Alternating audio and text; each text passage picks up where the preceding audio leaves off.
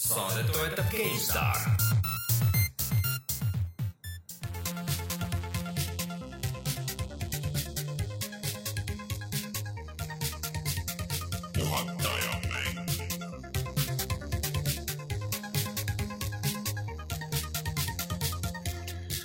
tere tulemast, on üheksas september aastal kaks tuhat kuusteist ja on aeg puhata ja mängida. mina olen Rainer Peterson ja minuga siin stuudios koos üle ma ei tea kui pika aja Rein Soobel. mina olen, olin eelmine nädal ka. no eelmine nädal olid, aga. aga kolmekesi koos võib-olla tükk aega olnud. mina olen Rein Soobel, tere ja see on Martin Mets minu kõrval. tere ja ka mina tahtsin öelda, et ma olen siin peaaegu iga nädal olnud, välja arvatud üks kord kõigil on mingid vabandused.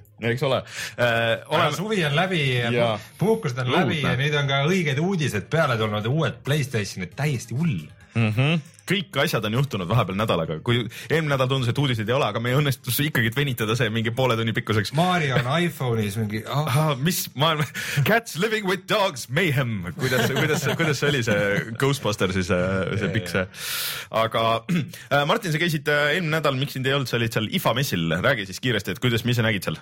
ma nägin tohutult palju ekraane, sa ei kujuta ette, kui palju on ekraane ja mille sisse saab ekraane panna, need olid kõikjal mm.. aga muidugi selles mõttes tegelikult, mis võib-olla meie tänase saate kohalt on väga oluline, et ma nägin väga palju HDR telekaid mm -hmm. ja noh, kogu see demomaterjal näeb muidugi väga-väga hea välja mm, -hmm. et aga, aga vot seal ongi see, et HDR on see, et oleneb, kuidas see on originaalis tehtud, et et kui hea see, see originaal on Mm -hmm. et, et see on nagu see küsimus, et aga kui sul on mingi demomaterjal, mida on viimistletud no, sada, sada tundi ja see näeb tõesti uskumatult hea välja, siis küsimus on, et kui hästi see suvaline mäng nüüd näeb, mis on kaks aastat tagasi välja lastud ja millele tehakse HDR patch no meile. palju need seal vaeva näevad? meile on kontorisse on veetud nagu põhimõtteliselt kõik telekad on nüüd mingid 4K HDR telekad onju.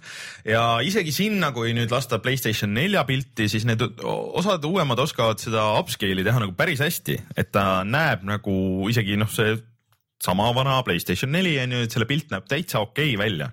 noh, isegi kui sa istud nagu kõrval seal kohe. et äh, aga ma ei tea, võib-olla, võib-olla räägime pärast sellest pikemalt, aga kuidas sul. tunne jah, et me juba läksime liiga teemasse süviti sisse. et kuidas sulle praegu tundub, et äh, noh, vaadates kõiki neid uusi telekaid ja no arvestades, et nüüd mingisugust sisu on ka tulemas, et mis sa arvad, et kas nüüd lõpuks hakkab olema see aeg, kus on, äh, on mõtet telekas välja vahetada? Vaadates neid see, igasuguseid demosid ja asju ma arvan, et see aeg on lähemal oluliselt, kui ta varem oli, et ma ei ütle, et ta nüüd nagu täna on nagu mm -hmm. kindlalt kohal on, aga ma arvan, et tõenäoliselt, kui sa nagu täna mõtled teleka peale, siis tasub nagu päris selgelt mõelda 4K, 4K peale. ja no siin tulebki see HDR mängu, et eh, tavaliselt on niipidi, et eh, 4K HDR on selles telekas, milles on 4K, aga 4K telekas ei pruugi, pruugi olla HDR-i mm -hmm. ja et seal ei pruugi olla ka muidugi HDR kümmet Mm -hmm. et, et seal võib olla. aa, seal on mingi sihuke vahepeal või? no Dolbyl on enda, enda, enda süsteem, aga õnneks see Dolby oma tundub, et see läheb rohkem sinna okay. filmidesse ja jääb sinna. aga sellest räägime pärast kindlasti veel ja pikemalt. Äh, enne kui me räägime siis äh, uudistes või üldse, et mis me see nädal räägime, siis äh, mis toimub meie Youtube'i kanalil, Rein? Meie Youtube'i kanalil toimus see, et koostöös Mänguväljaga eelmine nädal me tulime välja sellise mängu nagu Starbound esimese seiklusega. ja, ja tegelikult praeguseks juba on ka teine osa tegelikult ju väljas. see on juba väljas? ja see on juba väljas jah. ah, cool, mul jäi see. räägi see süsteemkäbe aga... nüüd üle, et kuidas see on. ja, ma räägin korra üle, et äh, kuna me Mänguväljaga koos seda tegime, siis Mänguvälja Joosep äh, paneb Mänguvälja kanalile ühe osa, siis paneme meie oma kanalile ühe osa ja niimoodi üle ühe see hakkab käima, et nüüd äh, nüüd siis tuli teine osa Mänguvälja kanalile, esimene osa oli mõlemal kanalil. Ma ajan selle lihtsa asja ikka nii segaseks. aga tegelikult, et, et keeruline asi oleks lihtsam, siis tegelikult piisab minna meie Youtube'i kanalile, seal on olemas playlist kohe seal kanali esilehel, kus on Mänguväli ja puhata ja mängida ja Starbound ja siis sinna kanalis, võite isegi selle playlist'i tellida endale nagu eraldi. Playlist saab eraldi tellida? Neid saab eraldi ka tellida jah okay., et äh, ja siis äh, iga kord, kui uus osa tuleb, siis me paneme kohe, vahet ei ole, kummal kanalil, siis äh, läheb otse sinna playlist'i ja siis saate sealt otse vaadata mm. -hmm. ja tasub muidugi ka tellida nii Mänguvälja kui Puhata ja. ja tõsi, kui te ei ole seda juba praeguseks teinud, siis palun minge tehke ja siis meie oleme ka veel SoundCloudis ja me oleme äh, lihtsalt RSS-is, kui te mingi ükstaspuha mis podcast'i äppi kasutate, siis äh, me oleme seal ilmselt olemas, me oleme raadio1.ee lehel, kus me veel oleme, Facebookis oleme, Twitteris oleme ütlesin, et SoundCloud äh, oma kodulehekülg ka. meil on oma kodulehekülg lehekülg äh, puhatajamängida.ee ja tegelikult meil meil on Steam'i grupp, kus me pole kaks aastat midagi teinud. ja, ja meil on Twitteri kanal ka, kuhu ma lihtsalt postin iga nädal siis, kui saate link on üleval, siis ma panen selle saate lingi ja ma nagu ja noh, kõik meie Facebook jookseb ka sinna, et kes on Orkuti leht. Orkutit ei ole. meil on LinkedIni peaks tegema. PlayStation Networkis on meil ka oma grupp. on ja nüüd saab ju gruppe teha ka Xbox, seal grupis ei ole. mina tegin selle ja meil on äh, võimalus ka Xbox'i grupp teha tegelikult, et seal nüüd saab ka kuidagi no gruppe teha. üks ei ole nagu grupp, üks ei ei loe. see üks Eesti. kasutaja, aga eks natukene. ei, ma ütlen, et üks sina seal, see ei tee gruppi. jah, tõsi aga okei okay,, aga, aga ja tegelikult äh, ei, me ju veel jätkame selle Youtube'i jutuga, et see nüüd Starbound ei asenda nüüd seda meie iganädalast videot Jah. ehk siis loodetavasti selleks ajaks, kui te kuulate selle saate audioversiooni, siis on üleval ka video Deus Exist, millest me täna räägime pikemalt äh,. Deus Ex Mankind Divided siis. just äh, ja äh, see on nagu mäng, mis äh, Reinule siin üldse nagu muljet ei avaldanud, aga, aga mulle ja Martinile ikkagi väga meeldib, me räägime pikemalt sellest ka veel pärast, aga, aga ma soovitan minna vaatama seda videot, et me räägime nagu päris palju sellest, et äh, miks meile meeldib ja, ja üritame Reinu nagu veenda selles, aga mulle tundub, et me ei veennud ära vist. mitte sinnapoolegi. sest Rein tahab minna ikka tulistama. no Rein on ikkagi see mees, kes ostab endale kuuekümne euro eest No Man's Sky onju Jah,. eks ole. Fund ida. jah, eks ole. kahju, et ma ei jõudnud nagu see nädal mängida veel No Man's Sky'd, aga, aga okei okay.. kahju. tunnustati kuuekümne euro eest äh, see Playstationi versioon, see isegi pole seda käib. ja, meile öeldakse Instagrami kontot meil ei ole tõesti, aga Ei ole ei ole, peaks tegema ja sinna mängu screenshot'e laadima iga päev.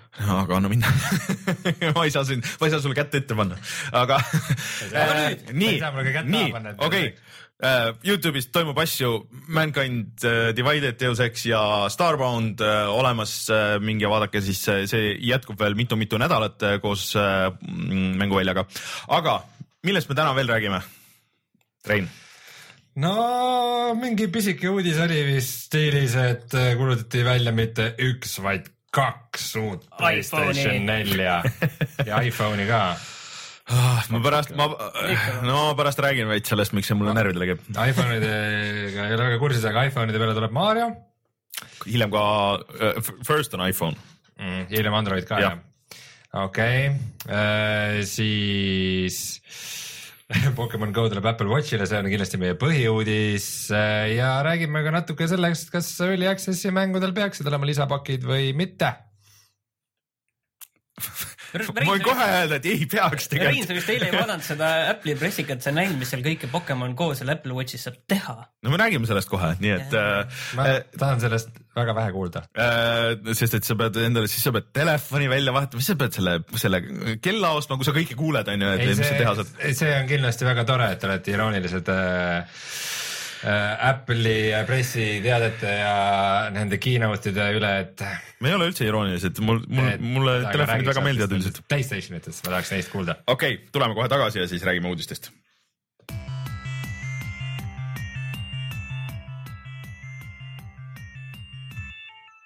uudised. no selles mõttes, et ei ole nagu varianti isegi, et, et millest alustada, et kõik need, põhimõtteliselt kõik need kuulukad, mis siin olid, millal need pihta hakkasid, need hakkasid mingisugune jõuludest juba vist. mis kõik kuulujutud, kus on Red Dead Redemption ja GTA kuus? see käib iga asja juurde see käib, E3-l. see vahet ei ole, mis pressi, pressikas on oh,. kuulsin, et, et Rockstar on seal, need Red Deadist räägivad kindlasti Bullist räägivad ka ja, ja võib mingi GTA värk võib-olla ka tuleb ja siis mingisugused lollakad nagu kogu aeg.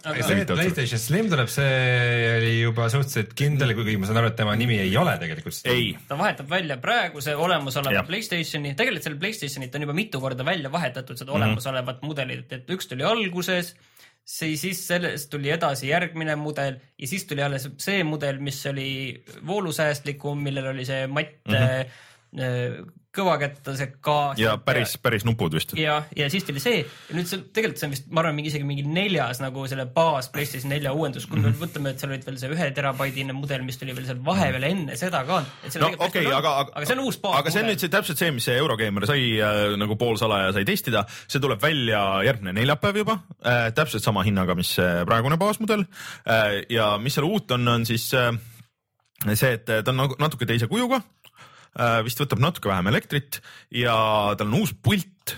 et nad uuendasid seda pulti nüüd niimoodi, ma ei saa aru, miks, äh, aga et see noh, Playstation nelja puldi siis seal taga on ju see nagu valgusriba aga et see nüüd see valgusriba on ka nagu sul ees, mis särab näkku ja seda ei saa ju välja lülitada. minu meelest ei saa päris välja lülitada, aga ja, ta on nagu sellised väiksed ribad no, on. ja, ja no nagu... selle point on see, et noh, enne sa ei näe, et kui sul on nagu rohkem pilte on ju, et siis sa pidid nagu vaatama, et noh, mis, mis pult mul nüüd käes on, on ju. see oli tõesti kõige keerulisem. aga lihtsalt see, et come on nagu, et selle oleks võinud sama hästi nagu lihtsalt. aga sellega, et tuleb üle plaasterdada kõike. ei, sa ei saa üle plaasterdada, seal on see põhimõtteliselt selle vist selle touchpad'i all, nii et sa ei noh. et sa pead päikseprillidega mängima. no enam-vähem jah. ma ütlen siis kaks head asja selle, selle Slimi no ütleme, ütleme selle kohta Slim, see nagu, no see on selge, on selgem, et hea asi on see, et see tuleb üks terabait. Mm. -hmm ja ma saan aru, et see üks terabait on nagu see baasmudel, baasmudel, üks terabait. Ja hind on siis kolmsada dollarit, kolmsada eurot. Mm. -hmm. et mis ta reaalselt siin Eestis tuleb tõenäoliselt natukene rohkem, aga see hind on väga hea, selles mm -hmm. mõttes, et ta tuleb ikkagi praeguselt tasemelt ikkagi kus see kõige odavama viiesaja gigase said ühe terase, tegelikult tuleb ligi sada ikka alla. Mm.. aga arvestades nüüd seda teist uudist, mis point on seda osta, noh, okei okay,, tal lisa on see ka, et ta toetab seda HDR-i on ju ja siis seda videot 4K-s vist ka on ju. võtame selle HDR-i jutu korraks siia vahele ära, et HDR mis on HDR tuleb... üldse, seletame ära, mis asi on HDR? HDR on siis kõrge dünaamiline ulatus ehk äh, põhimõtteliselt äh, detailsus, tähendab, ütleme nii, et kontrastid on suuremad, et väga tumedad alad on äh, niiviisi, et sa neid tumedatest toonidest suudad paremini neid eristada, neid mhm. toone mm, -hmm. et ütleme, et selline varjuala ei ole mitte üks selline tume pärakas, vaid sa näed seal ka detaili no, ütleme, ja seal on erinevaid. mis, äh, mis see kõige lihtsamini, lihtsamini öelda on see, on see, et sul lihtsalt värvide ulatus on suurem, et kui sul enne on mingi X arv värve, siis sul on X arv rohkem värve lihtsalt korraga ekraanil on ju ja pilt näeb välja seda sügavam ja, ja, ja, ja nagu kontrastsem ja mõnusam. ja see tuleb nüüd kõikidele Playstationitele, aga praegustele järgmisel nädalal selle tarkvara uuendusega aga see ikkagi, sa ei saa seda ju kasutada ilma, et su telekas. just, telekas peab toetama,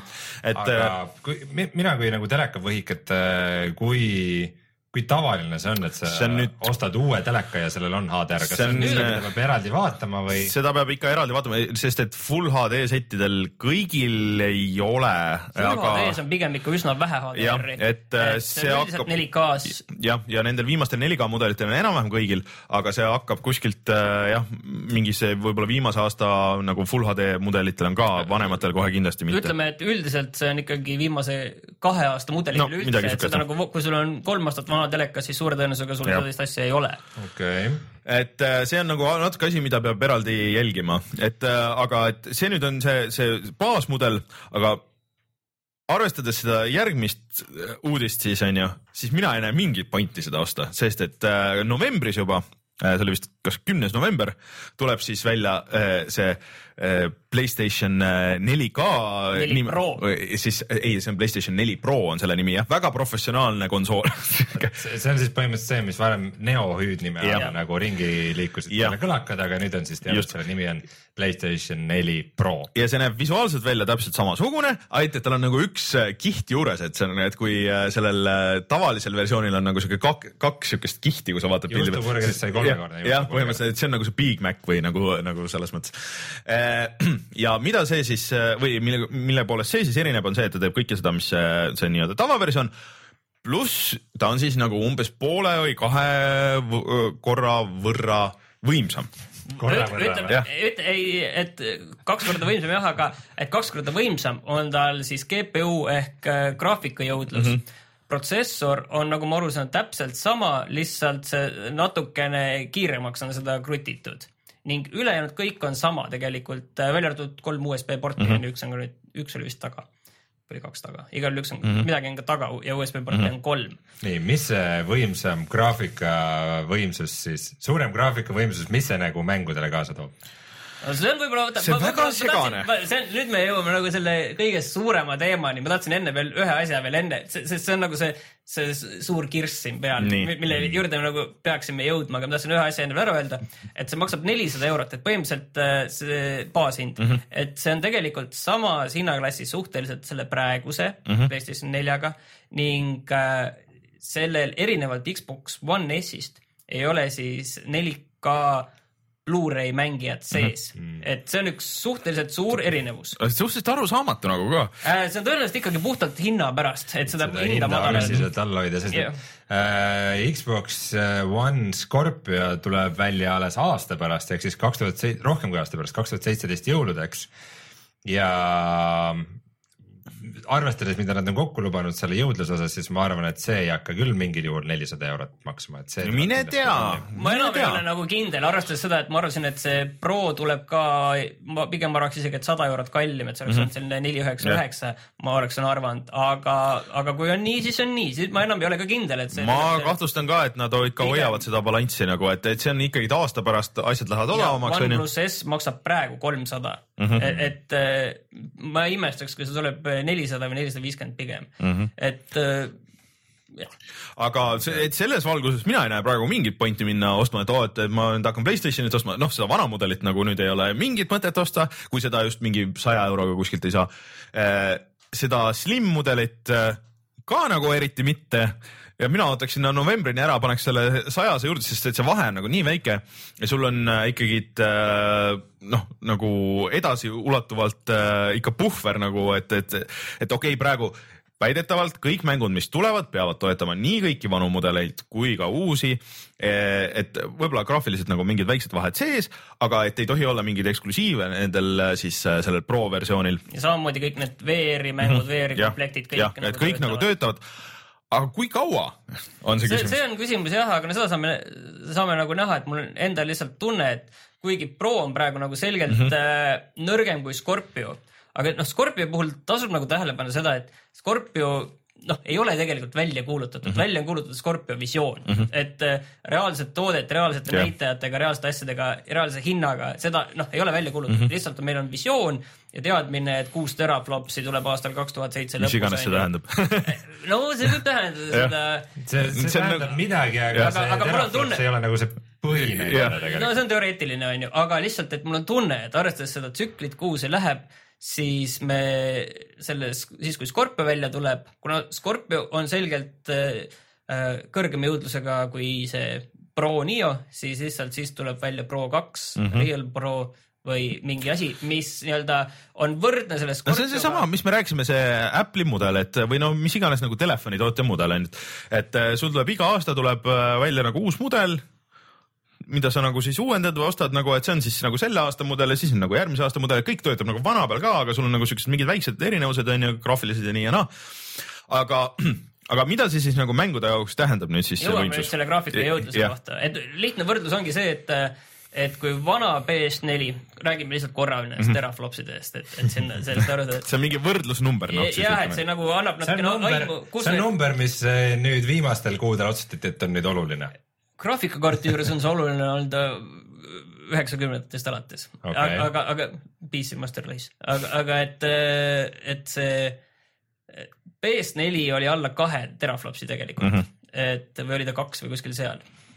PS4 Pro on neli ja Scorpio on kuus ja kas see tähendab siis, et eh, Pro on kaks korda võimsam kui PlayStation? No põhimõtteliselt. jah, põhimõtteliselt no GPU juurdlus kaks korda. et aga küsimus on sel- lihtsalt selles, et kui alguses öeldi selle Scorpio kohta, et see on nüüd õige tõeline 4K eraldusvõime, siis järelikult see neli teraflopsi nagu, mis on kaks kolmandikku sellest nagu päris seda olla ei saa. ja nüüd selle, kui seda pressikat vaadata, mis, mis seal räägiti, see pressikas oli üldse üks väga veider asi, sellepärast et ma ei tea, kas teist kumbki vaatas selle läbi.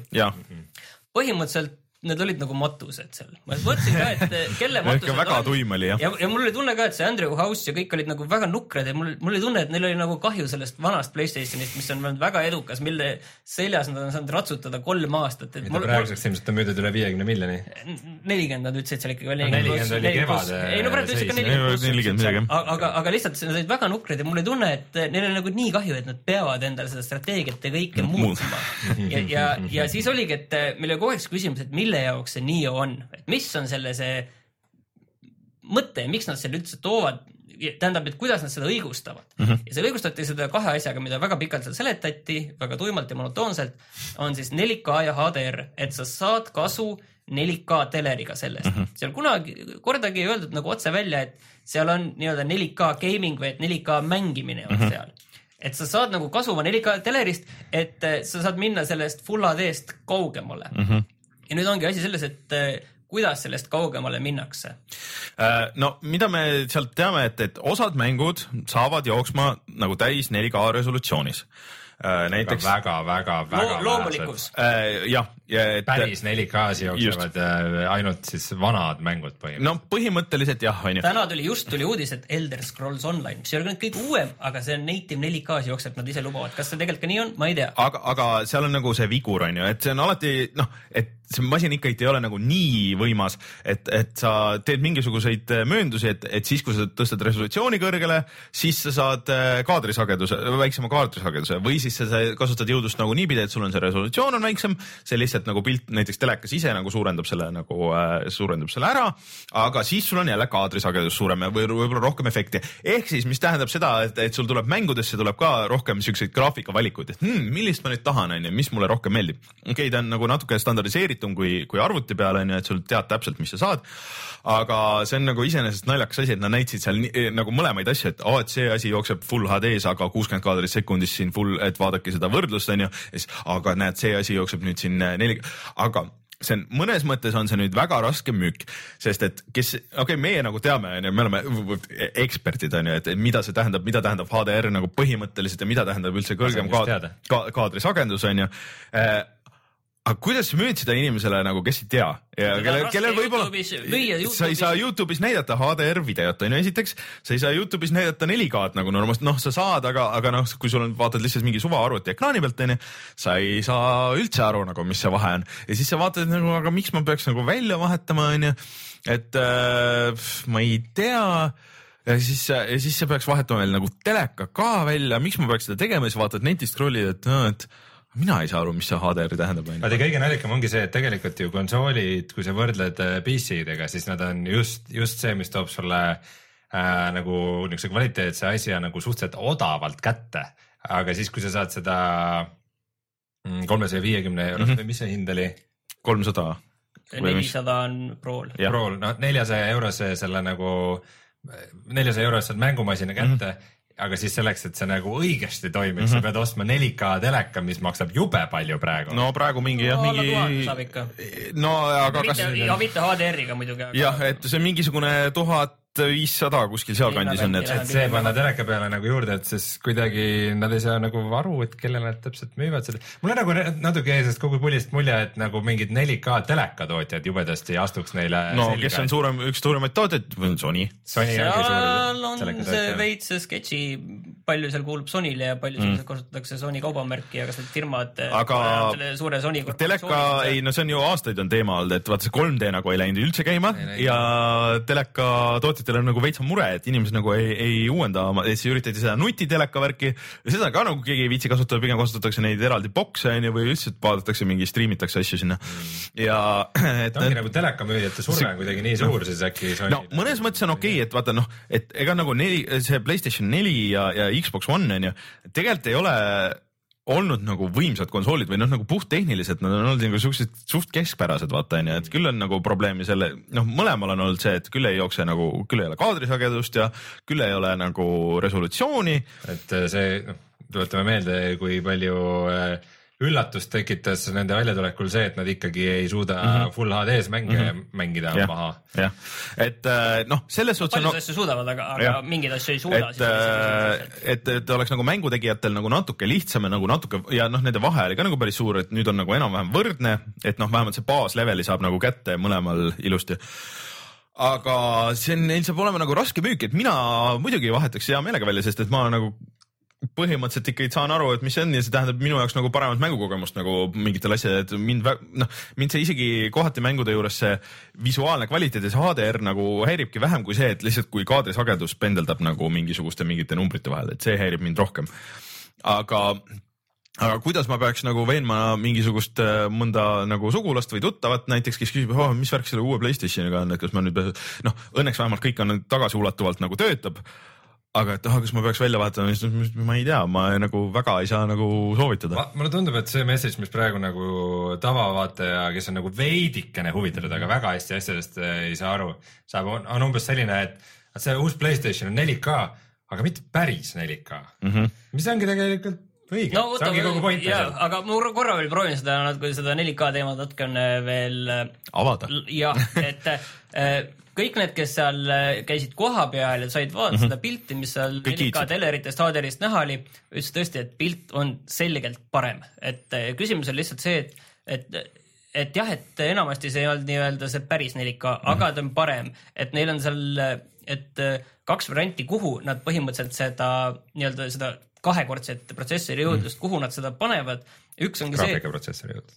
jah, et, et, et on lihtsalt see, et nad pane-, teevadki natukene kõrgema eraldusvõime mm. -hmm. mängule ja ülejäänud siis äh, kuidagi üsna kavalalt, mitte nagu tuimalt, vaid kavalalt upscale itakse 4K-ks. see, see upscale imine siis tähendab seda, et see pilt lihtsalt nagu venitatakse, venitatakse suuremaks no,. nagu tehakse jah, tehakse kunstlikult piksleid juurde et. seda, seda teevad ka nagu telekad, aga vot siin ongi nagu odavate ja kallite telekate Mhm. vahe, et kallimad telekad juba praegu teevad seda nagu paremini, et seal on eraldi Intelligentsemalt. protsessorid ja et sul ei ole, ei teki seda viivet sinna vahele, onju. ja vot seal ongi nagu peitub see nõks nagu, et, et, et sa, et isegi kui see ei jookse võib-olla nagu täisresolutsioonis, aga et see venitatakse nii hästi välja, et sa isegi noh, ei pane tähele või ei saa aru, onju. seda isegi ei venitata, vaid see on rohkem nagu, et sinna kunstlikult tehakse nagu genereeritakse jah. mitte lihtsalt sama värvi piksleid, vaid nagu, Jah, nagu vahe- arvatakse, et seal peaks olema. Aga mis, mis ja kusjuures huvitav on see, et äh, seda teeb äh, nagu see graafikakaart ise mm -hmm. niimoodi, et mängu jõudlus põhimõtteliselt sellest mm -hmm. ei lange jah, jah, aga seal te, teine asi, mis siis tehakse, on siis see, et, et on dünaamiline eraldusvõime, et mis siis on lihtsalt äh, äh, vastavalt mängule, et äh, hoida mingit kindlat taset mm, -hmm. kvaliteeditaset, siis seda, seda re- resolutsiooni, mis võib olla päris kõrge tegelikult mm, -hmm. seda muudetakse vastavalt olukorrale mis võib muidugi tuua No seda juba- probleeme, ei, aga seda juba praegu- seda juba praegu tehakse. Tomb Raider vist tegi näiteks seda. ja Xbox'i peal väga paljud ja siis sealt omakorda siis upscale itakse see 4K-ks aga okei okay,, et see on nagu see riistvara jutt, aga siis mingid mängud ka või noh, kõik mängud, mis siin novembris tulevad, need hakkavad nagu seda toetama, et see on vist mänguloojate nagu enda äh, otsustada, et kuidas või mis nad täpselt nagu teha tahavad, aga kindlasti me teame, et Mass Effect äh, saab jooksma kolmkümmend kaadrit sekundis nagu kõikidel konsoolidel äh,. Mass Effect Andromeda, mida siis esimest korda näidati tegelikult seal ka nagu seda gameplay'd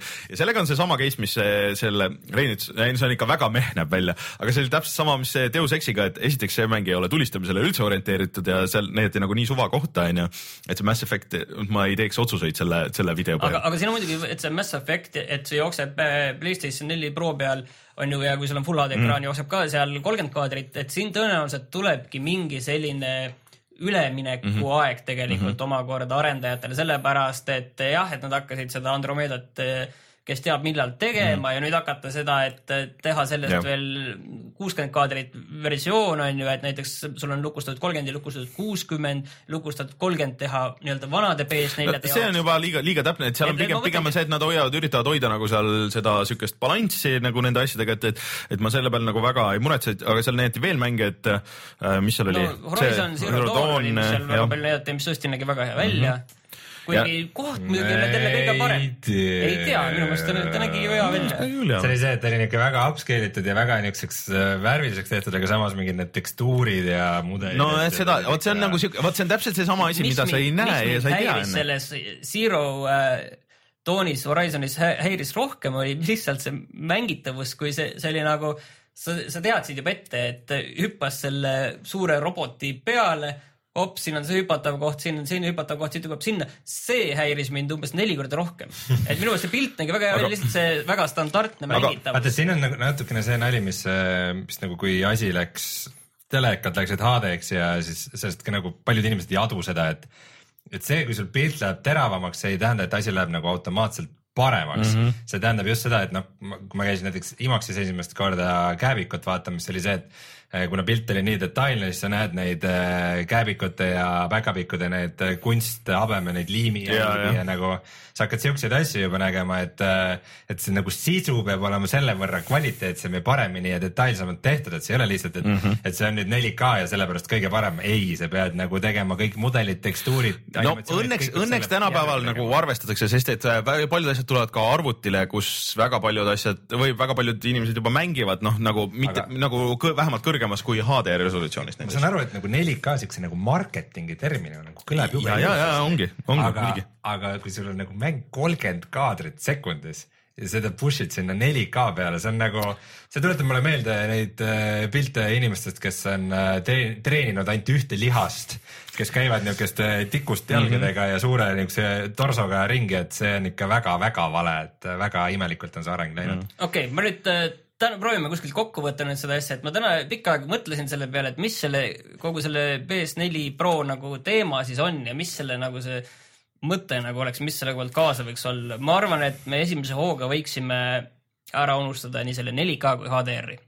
et viskame need kõrvale, okei okay,, sul on see telekas olemas, sul on 4K telekas, sul on HDR mm -hmm. olemas, sa plaanid osta telerit, siis on raha. Okei okay,, osta see, tee see, sa saad sellest kasu võiks lihtsalt konkreetselt mõelda sellest kui masinast, mis maksab nelisada eurot ehk sama palju kui praegune PS4 ja mis on tulevikukindel suhteliselt. tulevikukindel ja jooksutab jooksutab mänge veidi paremini full HD-s kuuskümmend kaadrit. jah, siin on need ülemineku asjad mm -hmm. Mhm. nagu see Mass Effect Andromeda, millel on kolmkümmend kaadrit, aga sa saad nüüd vähemalt raudkindlalt sama hinna eest selle full HD kuuskümmend kaadrit mm Mhm. -hmm. pluss natukene parema pildiga selle mm -hmm. full HD juures mm. -hmm. et seal toimub ka tõenäoliselt ka mingit sellist downsample'i, mis saab teha, kui reaalne eraldusvõime, see loomulik eraldusvõime on kõrgem kui full HD mm, -hmm. siis sealt tuleb jällegi nagu sellesse full HD ekraanile saad parema pildi, sealt tuleb tõenäoliselt on mm, -hmm. oleneb, kuidas mängu tehakse, et sa saad selle et sa saad kasu kvaliteedi, ikkagi. nii-öelda pro kvaliteedi, et kus tõesti ongi mingid teravamad tekstuurid, rohkem mingit murumaa. Näed kaugemale.. et mõelda sellest kui väga korralikust full HD masinast nagu esi- Ongi., esmalt ja kui sul on need, see vahendid nagu see teleka ja see raha mm -hmm. olemas, telekas või raha olemas, siis mõelda sellest kui sellest 4K-st ja ja, HDR-ist. ja kohe kindlasti, et kui sa oled plaaninud, oled nüüd kõikide nende kuude jooksul, et mis me oleme siin rääkinud, varsti tuleb, varsti tuleb, oled mõelnud, et okei okay,, et ma tahan endale Playstationit osta, siis kindlasti oota ära november, maksa see natuke rohkem nagu sinna juurde ja osta see äh, pro versioon. kui sa oled casual tüüp, kui sind tõesti mängid aastas mingit paari mängu, tahad seda GTA-d mäng, GTA kuute Ke- mängida oo, see on okei, juba paneme-, see on juba tee, vaata avatud maailm. ütleme, kui sa oled siuke mängid ainult Fifat, see on, see on nagu see, siis, siis ei ole nagu vahet, aga ma arvan, et vaata siukestesse avatud maailma mängudes, vot No see on see seal see ikka nagu loeb no ühte asja pole maininud, kus see loeb väga. virtuaalreaalsus, õigus jah. tõsi, aga see on läks teil meelest. Äh, sest et sellest ei räägitud seal kogu pressikas, põhimõtteliselt üldse Üks nagu lause, öeldi no üks- täpselt üks lause. oli, aga ärme, No ärge ja ignoreerime seda, seda- jah, et- et sind ei olnud eelmine saade, kui ma rääkisin oma sellest Playstation VR-i kogemusest ja mis minu otsus oli äh, selle, noh, sellel korraldati väike pressipäev, mis minu kogemus oli see, et see on väga hea peaseade, aga selle küljes on see paganama Playstation neli, mis on nagu liiga nõrk, et sellist ilusat virtuaalreaalsust teha kaks korda suurem graafiku jõudlus, kaks korda parem virtuaalreaalsus, et mina tõsi. nagu selle, see aga- paneks mind mõtlema selle ja, aga peale. minu vastulause on sellele see, et äh, see ei muuda fundamentaalselt neid mänge äh, paremaks automaatselt kohe. sellepärast, et see graafiline stiil, seda see ju ei muuda. sa saad seal jah, võib-olla natuke teravamad pikslid, aga, aga no kaadrisagedus on see ja põhiasi. kaadri, kaadrisagedust ka võib-olla lükatakse, saad see sada kakskümmend, üheksakümmend näiteks. aga seal on see fundamentaalne asi on nende mängude see, nad peavad ju toetama sedasama vana PS4-a, et nad on sellised multikalikud. kas VR-mängud pidid? praegu praegu peavad, peavad ka. VR-mängud toetama jah, see oli mingisugune, vahepeal käis mingisugune, et mingi jutt on, et võib-olla mingi hetk võib teha ainult nagu VR-i asju ainult sellele Prole, aga selle Scorpio pärast, sest Scorpiole öeldi, et Scorpiole tulevad VR eksklusiivid, seda öeldi Mhm. Scorpio kohta, et aga pra- noh, see VR on ka nagu siuke kahtlane, muidugi sellega nüüd kuulutati ju välja uue, uus kaamera äh,, siis Playstationi kaamera, mis töötab ka vanade mudelitega millega ei ole peale VR-i nagu sisuliselt mitte midagi teha, see töötab ainult selles Playroom'is, mis on ainuke mäng enam-vähem, mis töötab. ja siis äh,, oota midagi oli veel äh, lisaks sellele puldile kõr-, kõrvaklapid Aa, kõrvaklapid, jah. hoidik ja alus ka. Aga- üks küsimus on tegelikult meil vastamata või räägime sellest. Äh, ma tahtsin öelda, et muidu need Playstationi kõrvaklapid, need wireless kõrvaklapid, neid äh, üldiselt väga kiidetakse, et äh, need on tavaliselt olnud kõik mudelid päris head. Et siis viimane küsimus, et kas, kui sul on praegune PS4, kas sa peaksid selle vahetama Pro vastu? ma kahtlustan, et mina, mina peaks. mul on tunne ka, et vaata, mina peaks, aga ma arvan, et kõik ei pea, et see Jah. on nagu sisetunde küsimus. aga, aga ja, aga vaata siin äh, nüüd ongi nüüd see küsimus tuleviku mõttes, et meie arvustame mänge, onju. ja siis teil peaks just olema kõrvuti need kaks vot tükki. just ongi nagu, et kas vahetama välja või me peaks olema kõrv, kui me kirjutame näiteks, kirjutame noh, mis siin on viletsalt jooksnud, ütleme näiteks äh, noh, sama Deus Ex on ju, või no, ei, Deus Ex ei ole võib-olla kõige parem näide, aga ähm, Hitman konsoolidele ei, ei jookse nagu väga hästi, ei näe kõige parem välja, PC peal näeb oluliselt parem One välja. S-i peal jookseb nüüd väga hästi. jah, või Quantum Break, mis äh, ühel laadis jõhkralt või noh, sellel originaal Xbox'il esiteks laeb jõhkralt kaua, siis pilt nagu rebib ja ei ole nagu hea. Quantum Break ei tulnud Playstationile üldse. No mitte, no mitte Playstation, aga ma mõtlen nagu põhimõtteliselt onju, et kas nüüd edaspidi peaks testima nagu seda, et, et kuidas ta jookseb nagu vanal, kuidas ta jookseb uuele, sest et vahest nagu mingite mängude jooksul või mingite mängude puhul tõesti see laadimisajad on ju, et ja see, kui ta nüüd siuke kisub ja need kaadrisagedus kukub, on ju, see võib lihtsalt oluliselt mõjutada sul nagu seda mängi, mängu kvaliteeti, et kas me peaks hakkama edaspidi nagu testima neid asju mm.? see on väga keeruline jah, et digis pead nagu tõmbama joone vahele, et äh, igal, igal äh, mänguarvustusel on kaks et äh, see on, see on triki asi, noh, see mingi hetk me, lihtsalt peame tegema selle nagu otsuse onju, et noh, et ega praegu ka mõnikord mängid mingit asja PC peal, siis sa ilmtingimata ei vaata seda konsooli peal. aga kui sa No see on kui see, see on et- mingi konsooli eksklusiiv onju, jah, et siis sa oled põhimõtteliselt nagu PC maailmas, et mm. -hmm. et igalühel on erinev graaf-, noh, mitte igalühel, aga on põhimõtteliselt graafikukaarte Mhm. mm -hmm. on palju, onju, ja see, see reaalne, see, see mängitavus võib sellest mingil määral on ju oleneda, aga lihtsalt, et kus ma veel ütlesin, et äh, jah, et mina näen, et mina peaksin olema see, kes selle Pro välja vahetab, siis samas mina ei plaani päris nüüd lähiajal endale nagu 4K telerit Ja mitte. ega, ega HDR telerit osta, aga noh, sellest nagu hoolimata, sellepärast ma mõtlesingi, Me peaks minema 4K testima. HDR-i jätaks kõik peaks minema testima seda kuskil kindlasti, ma tahaks nagu näha oma silmaga nagu, et kuidas need asjad jooksevad, aga noh, siis kui see välja tuleb, et aga tõmbame siis asja kokku, et ühe lausega. kui plaanid Playstationit osta, siis oota ära see Pro kümnes november. Maksab natuke rohkem, aga sul on kindlasti äh,, kindlasti rohkem sellest kasu ja ta ei maksa väga palju rohkem. jah äh,. ja kui sa mm, ei plaaninud välja vahetada ja sul ei ole just äh, 4K telekat, siis mängi rahulikult edasi, et äh, ei juhtu mitte midagi äh,. aga esialgu. esialgu jah, praegu on veel rahulik, aga see ei olnud ainuke suur pressikas äh, tegelikult äh, sellel samal äh, see neljapäeval. oli väga veider selles mõttes, et ma enne vaatasin kaks tundi järjest äh, Apple'i pressikat, kus oli Apple'i töötajad killusid ja võib-olla isegi ka ajakirjanikud killusid ja seal oli, saal oli rahvast täis, tohutu möll käis, pärast seda tuli Playstationi pressikas, kus kõik olid hiir, hiirvaiksed. isegi ei plaksutanud aga, keegi. aga vaata, ma lihtsalt mõtlesin, mille, mille pärast seal kõik vait olid. et selles mõttes, et äh, Sony oli olnud väga viisakas, ei Mhm. mm -hmm. äh, olnud palganud sinna neid vilistajaid mm -hmm. ja plaksutajaid, siis sinna tulid üle maailma kohale tõesti nii-öelda Ainult press. eliit videomängu ajakirjandus tuli tõesti kohale, selles mõttes, et seal, seal Kõik küünilisemad mehed meid ei kutsutud, et seal oli selles mõttes seal oli kohal eliit, kes on viimased pool aastat oksendamiseni niivast kirjutanud. Nad on kirju- ja mm -hmm. arvanud asju, nad on arvanud, et see tuleb midagi tohutult mm -hmm. äge, midagi väga võimsat või on tulnud midagi, tuleb midagi tohutult jama ja siis tuli selline keskmine lahendus tegelikult. tegelikult kõik kuuluk-, kuulukad, mis olid, kõik läksid täppi Jah. ja Apple'iga oli tegelikult suht-koht sama, et kõik see asi, mis oli noh, see põhiasi, mis välja kuulutati. lõpetan selle ära, et, et see tuli see keskmine lahendus mm. -hmm. ja no mis emotsioonid nagu siis see keskmine lahendus siis peaks tekitama, kas sa peaksid seal kiljuma ja tõenäoliselt tõ- viisakad inimesed võib-olla isegi seal niisama ei kilju mm ja siis sellest oligi selline rahulik, viisakas õhkkond.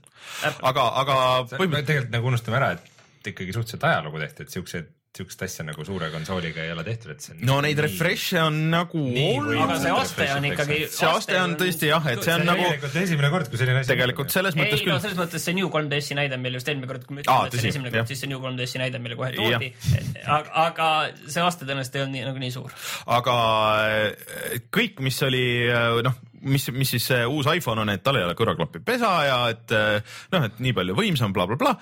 noh, see kõik oli ammu teada äh, ja kõik täpselt niimoodi tuli, noh, selle suuremal versioonil on kaks kaamerat, et sa seal saad mingi, ma ei mäleta, mis asja. ja konsooli leveli mängud, konsooli mängud, mis asi? konsooli tasemel mängud. ah, seda nad räägivad juba minu meelest mingi viis aastat. mulle mulle meeldis väga see eelmine aasta, et iPhone 6S, meil on nüüd konsooli tasemel mängud, sellel on Xbox kolmesaja kuuekümne tase, graafiline tase. Mis tuli välja kümme aastat tagasi. aga, aga ühesõnaga mm,. rohkem vist isegi või üks. no, no see on jätkuvalt see, tegelikult noh äh,, te, paljude inimeste jaoks muidugi telefon ongi see põhimängumasin ju tegelikult, et kui sa võtad eriti veel noh, nagu laste puhul, et mängivadki ainult äh, nagu telefonimänge nagu ja väga palju. Ja neid on, on ju seal ka nagu väga palju alates nagu tasuta, alates Pokemon Go'st on ju, kuni tegelikult mingisuguste konsoolimängude portini, portideni, et sa saad BioShocki ka mängida, kui sa tahad. miks sa peaks seda telefonil tahtma mängida, ma ei tea, aga äh, no see on ilmselt see seitse, ma arvan, kindlasti väga okei mängumasin tegelikult, kui sa oled nagu mängid väga palju telefoniga tahad mingil põhjusel 3D mänge mängida, fine. Mulle käib see, et kõrvaklappe pole ikka väga närvidele, sest et ma käin kogu aeg ma näen kõrvaklappidega. ja kui Rainer kuskilt tuleb, seal on kõrval. Mul on alati- mulle- ei, põhimõtteliselt- jõuab minust meetri kaugusele, siis ta võib-olla võtab nad ära, võib-olla ei võta. sest et mul ei ole, ei tegelikult ka, kui ma olen tänava peal või ma kuskil liigun, ei ole nagu varianti, et mul ei ole klappe.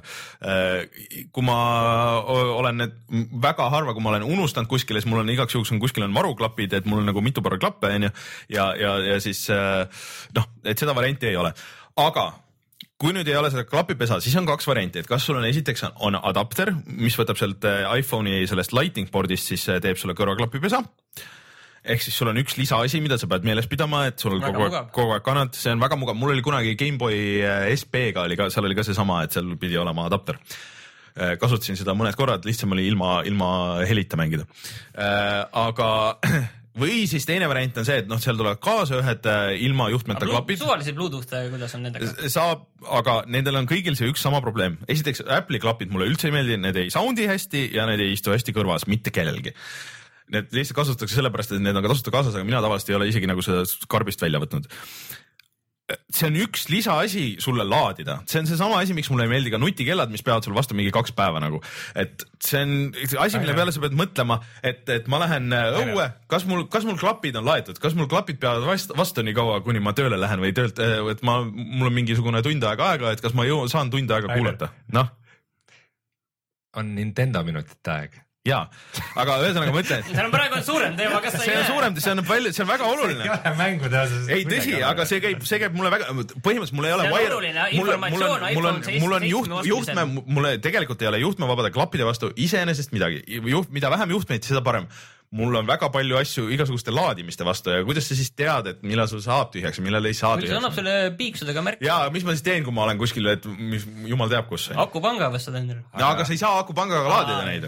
aga kõik teavad, et Rainer on suur äh, Nintendo fänn ning võib-olla paljud ei tea, et ta tegelikult on ka aastatepikkune iPhone'i kasutaja Jah. ja nüüd järsku need kaks maailma said kokku. keegi võiks välja otsida, kus ma ennustasin seda, et siis, kui oli jutt, et millal, et kui, et noh, Nintendo kuulus välja, et okei okay,, nüüd, nüüd mobiili neil neil tähendab, on olemas mobiilistrateegia.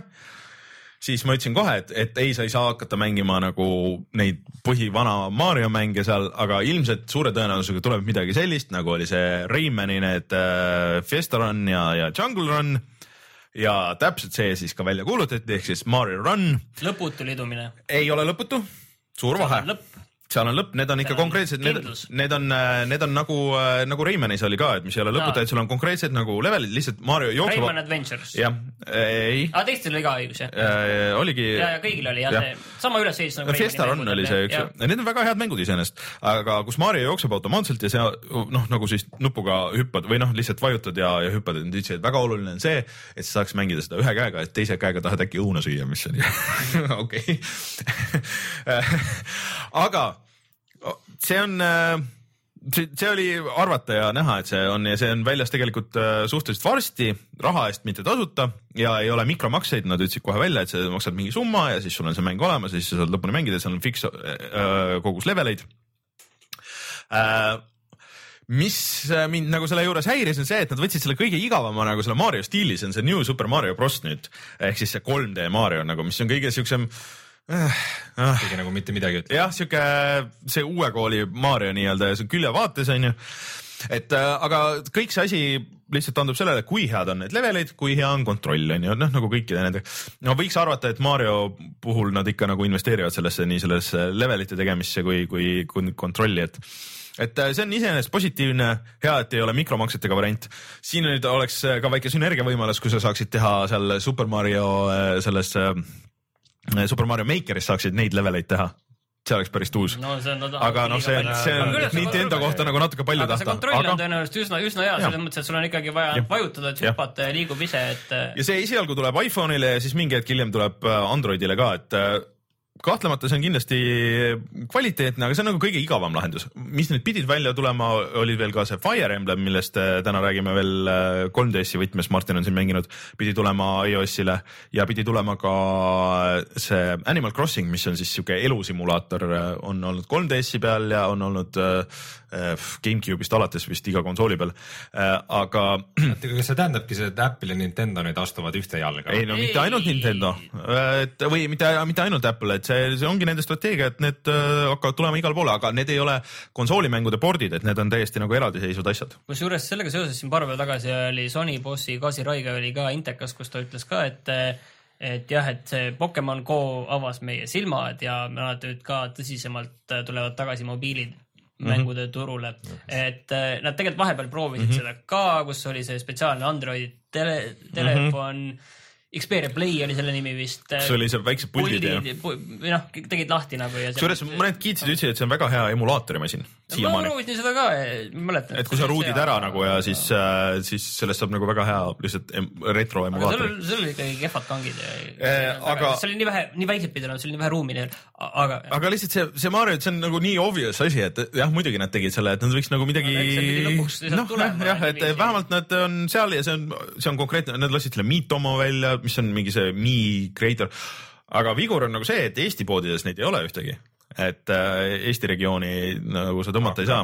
Et see on, Hakkab et huvitav nüüd, kas seda Mariot saab või ei saa, onju. Aga kui saab, siis kindlasti eks proovime tulevad tõenäoliselt ikkagi niiviisi lainetena. aga siis Pokemon Go'st räägiti, et esiteks tuleb välja ka Pokemon Go see, vot see eraldi seade, et mis sa paned omale taskusse, et mis suriseb, kui sul on Pokemon on ligidal ja siis sa vajutad ainult nuppu ja saad Pokemoni kinni püüda. et see on üks asi, mis tuleb müüki. automaatselt kinni püüda neid ka. jah, vist mingisugused asjad olid, aga, ja siis tuleb ka Pokemon iWatchile ehk siis äh, Pokemon Go siis, et sa näed kõiki äh, noh, neid äh, et noh, haudud neid mune ja, ja siis äh, püüad Pokemone kõiki nagu kella pealt. see on asi, mis oleks pidanud kohe olema tegelikult neil, see oleks olnud nagu system seller igatpidi tegelikult äh, aga noh, Apple'i kella hinnad nüüd lasti ka alla, et see, see viieteist tuhandene versioon võeti ära, et see ei ole enam luksustoode, onju. aga Apple Watch ei ole suurem asi toode nagu iseenesest, see. no me praegu ei hakka siin. ja aga no okei okay., aga, aga selles mõttes, et nüüd sa saad kella peale, see on nagu loogiline, see on tõesti, see on asi, mis mulle käis närvidele, et sul peab nagu telefonis kogu aeg olema, sa pead nagu telefonis passima. kui sul on see, selle randme peal suriseb, vaatad, ahah, Pokemon, täpid peale, täpid, püüad kinni kella peal ja lähed edasi. spetsiaalne Pokemoni kell põhimõtteliselt. Sisuliselt, jah. ja telefoni aku peab ka õhtuni vastu. jah, et no kuigi see on nagu telefoniga seotud küll, aga, aga no ei, see on okei okay., kui sul Apple Watch on, siis mis sa muud ikka teed sellega või see nüüd on põhjust võib-olla see kuskilt riiulist välja võtta, sest et äh, kella aku ei pea õhtuni vastu, et see on nagu teate, see. mis mul juhtus või? no, mul sai Pokemon Ghost kõrini. aa, tubli. Väga kaua aega võttis. mina juba, no kuule, minul võttis aega kõrini saamiseks sellest, kui ma alguses sinna serveritesse sisse ei saanud, siis oli juba kõrini sa oled sealt sellepärast parem kui mina või? ja ma olen level ka lõpetasin, siin üks. ma lõpetasin Pokemon Go mängimise ära juba siis, kui see veel lahe ei olnud. aga selle mängimise äralõpetamine lahe veel ei olnud. sa lõpetasid selle mängimise ära siis, kui see mängimine veel lahe oli. aga see ei, mängimise äralõpetamine ei olnud ootame, ootame selle suure update'i ära ja siis võib-olla sukeldume tagasi, aga, aga noh, sellised uudised olid sealt Apple'i just, et noh, Apple on, aga Apple'il on ka nagu probleem olnud, et neil on võimas riistvara, nad alati on nagu neid mänge nagu maininud, aga nad ei ole seda mänguvärki nagu ise nagu käima saanud, et et noh, Apple'i asjadel on ägedaid mänge ja kõik onju, aga aga nad ise ei ole nagu osanud seda promoda või ma ei tea, kuidagi ei ole nagu olnud siukseid nagu killer nagu neid ainult Apple'i asju. võib-olla see Nintendoga koostöö võib-olla ei ole nagu halb idee. see, vaata, see võib olla nagu see koostöö, mis nagu seda mängitavust viib edasi, sellepärast alati nendel iPhone'i esitlustel on põhjalikult näidatud seda visuaalset yeah. poolt, mis on alati yeah. olnud nagu, et joo, et siin on see. mingi lennusimulaator ja, Blade oli Infinity, ja Infinity Blade jah, Infinity Blade, mis on alati olnud selline visuaalse. koridor lihtsalt, Unreal'i koridor. lihtsalt selline showroom põhimõtteliselt mm. ebareaalne koridor. jah, et noh, see nagu, see ei ole nagu hea mäng, on ju, ta on lihtsalt mm. nagu selline tech demo ja. ja nad on alati seda tech demosid seal näidanud laval. et see on nagu actual nagu mängud, et, et selles mõttes võib-olla on, võib-olla on mingisugune nagu potentsiaal seal mina üldse nagu ei muretse, sellepärast et eh, noh, küll Nintendo oskab nagu selle mängitavuse nagu sealt telefonist ka välja pigistada, ma loodan, et ei ole sul ekraani peal pseudo D-pad, mida sa ei näe ja mis iganes need lahendused on. Rein, aga nüüd äh, PC juurde. lõpuks, kas me oleme iPhone'ide ja Sonydega lõpetanud? no seal paar väikest uudist teiega sellele meistrirassile. jah, meistrirass, üks vanakooli sihuke legendaarne tulistamine, millest võib-olla olete kuulnud. Duke Nukem 3D saab kakskümmend aastat vanaks ja selle puhul tuleb remaster kas nüüd on uuesti render, joonistatud kõik nagu äh, spraidid ümber no, ja no, hästi detailsed? enam ei ole 2D spraidid. loomulikult. 3D-s, kas ta on tõesti 3D-s nüüd või? mitte Duke Nukem Foreverist, vaid siis ikkagi vanast heast Duke Nukem 3D-st, selle nimi on Duke Nukem 3D twentieth anniversary world tour, mis tuleb arvuti peale üheteistkümnendal oktoobril ja, ja Playstation neljal ja Xbox One'il. ma ei mäleta, kas me seda vahepeal isegi rääkisime, aga Vita peal tegin yeah. läbi mm. kõik selle Atomic tavalise pluss veel need lisaepisoodid ka aga, veel. aga siin on veel aga üks lisaepisood. oli kihvt suht okei okay,, aga muidu poleks üldse läbi teha. aga siin on veel nüüd üks lisaepisood, mille on teinud need originaaltegijad ja level disainerid ja, ja kõik. originaaltüübid on teinud leveleid juurde ja seal on uus renderi mootor ja siis sa saad, kui sa surma saad, sul ei ole mitte checkpoint'e, vaid sa saad tagasi kerida. see oli juba selles yeah, variandis. see oli ka selles jah okei siis see ei ole midagi muud. aga põhimõtteliselt äh, kahekümne dollari eest ilmselt siis kakskümmend eurot. kuupäeva ütlesid? Äh, jah, ütlesin üksteist oktoober arvan, et see võib olla täiesti tore vaheldus midagi sellist ei, vana mängida. selles mõttes, et. mulle iseenesest meeldib, kui nagu vanad mängud see on üks asi, miks ma sellest NES-i mm. konsoolist mm, -hmm. SNES-i konsoolist olen ka huvitatud. ei, NES on see.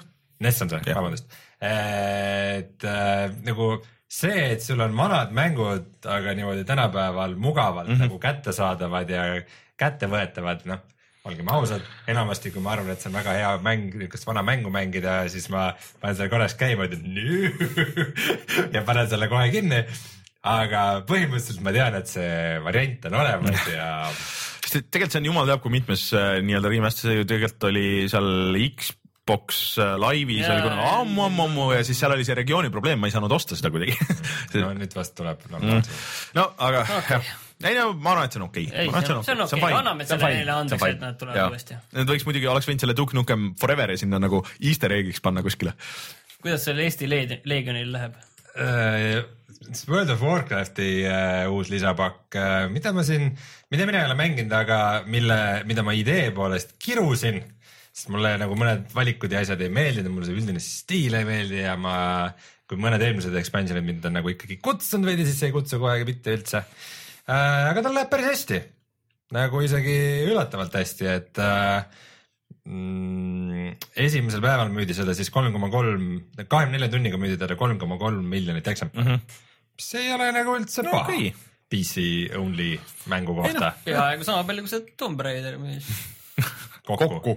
ei no see ta müüs viis ja see oli mingi aeg, nüüd küll, küll nüüd on rohkem. ja nii et kindlasti on ta nagu edulugu ja nüüd, mis üks teine number, mis öeldi, öeldi, et äh, korraga mängisid äh, nii palju mänge kui, mängijaid kui viimati Kataklüsmi ajal, et ma täpselt peast ei mäleta, mitu miljonit see tähendab, ma pakun, et see võib isegi seal kümne miljoni mm. mängija ringis olla. mul, mul on, mul on nüüd oma teooria, et kes mäletab, siis augusti natukene keskpaika tuli välja üks mäng, millel oli jõhker haip, see oli No Man's Sky mm.. inimesed said nii suure pettumuse, nad tahtsid tagasi minna, sellised, kellele meeldivad MMO-d, nad said nii suure pettumuse, et tahtsid tagasi minna millegi juurde, mis on nagu suhteliselt kindel, mida nad võivad usaldada, et nad teavad, et nad saavad sealt selle koos mängimise kogemuse kätte ja siis väga sujuvalt sel hetkel see Legion tuli välja, Legion ja siis nad läksid sinna. Warcraftiga. ja kõik ja nad tõenäoliselt saavad. mõtle, Warcraftiga on ju. Rahul, sest nad said enne nii halva kogemuse. on tänapäeval vist suhteliselt lihtne, et see peaks ju suhteliselt okilt jooksma mingi iga suvalise läppari peal ja mm. mis iganes, et.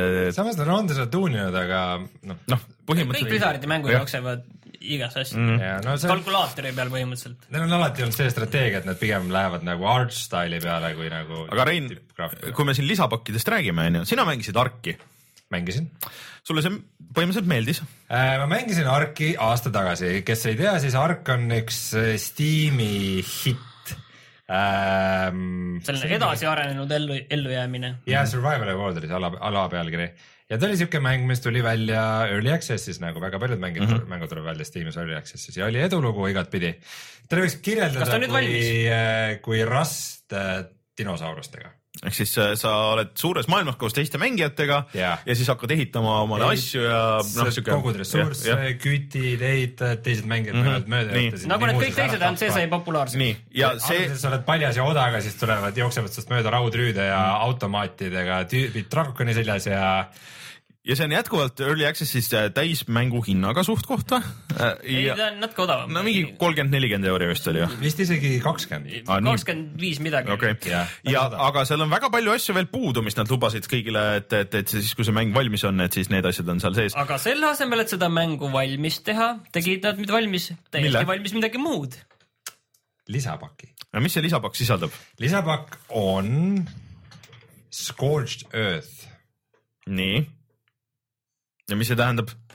Äh, põhimõtteliselt selles mm,, seal Arki maailmas sa oled nagu niisuguse džungli saare Nii. peal, seal on ka mõned niisugused nagu Skyrimlikud äh, põhjamaisemad alad, aga noh, suures osas on Mm. ta niisugune, niisugune džungel ja, ja sihuke liivarand ja nagu selline keskkond. ja nüüd tuli lisapakk, mis täiesti on, tasuta tuli välja. Eh, tuli tasuline lisapakk 20 eurot. nimega Scorched Earth, mis okay. kõrbes väga palju uusi loomi, relvi, varustust ja põhimõtteliselt on nagu maailm on niimoodi, et need nagu erinevad keskkonnad on nagu eri arkid, mille mm -hmm. vahel sa saad rännata mm. -hmm. sa saad sealt põhimaailmast käia seal Scorched Earthi maailmas, seal seigelda, koguda seal mingeid uusi asju, mis varem ei saanud ja tulla tagasi ja mm -hmm. uhkeldada oma asjadega ja, ja kõike muud.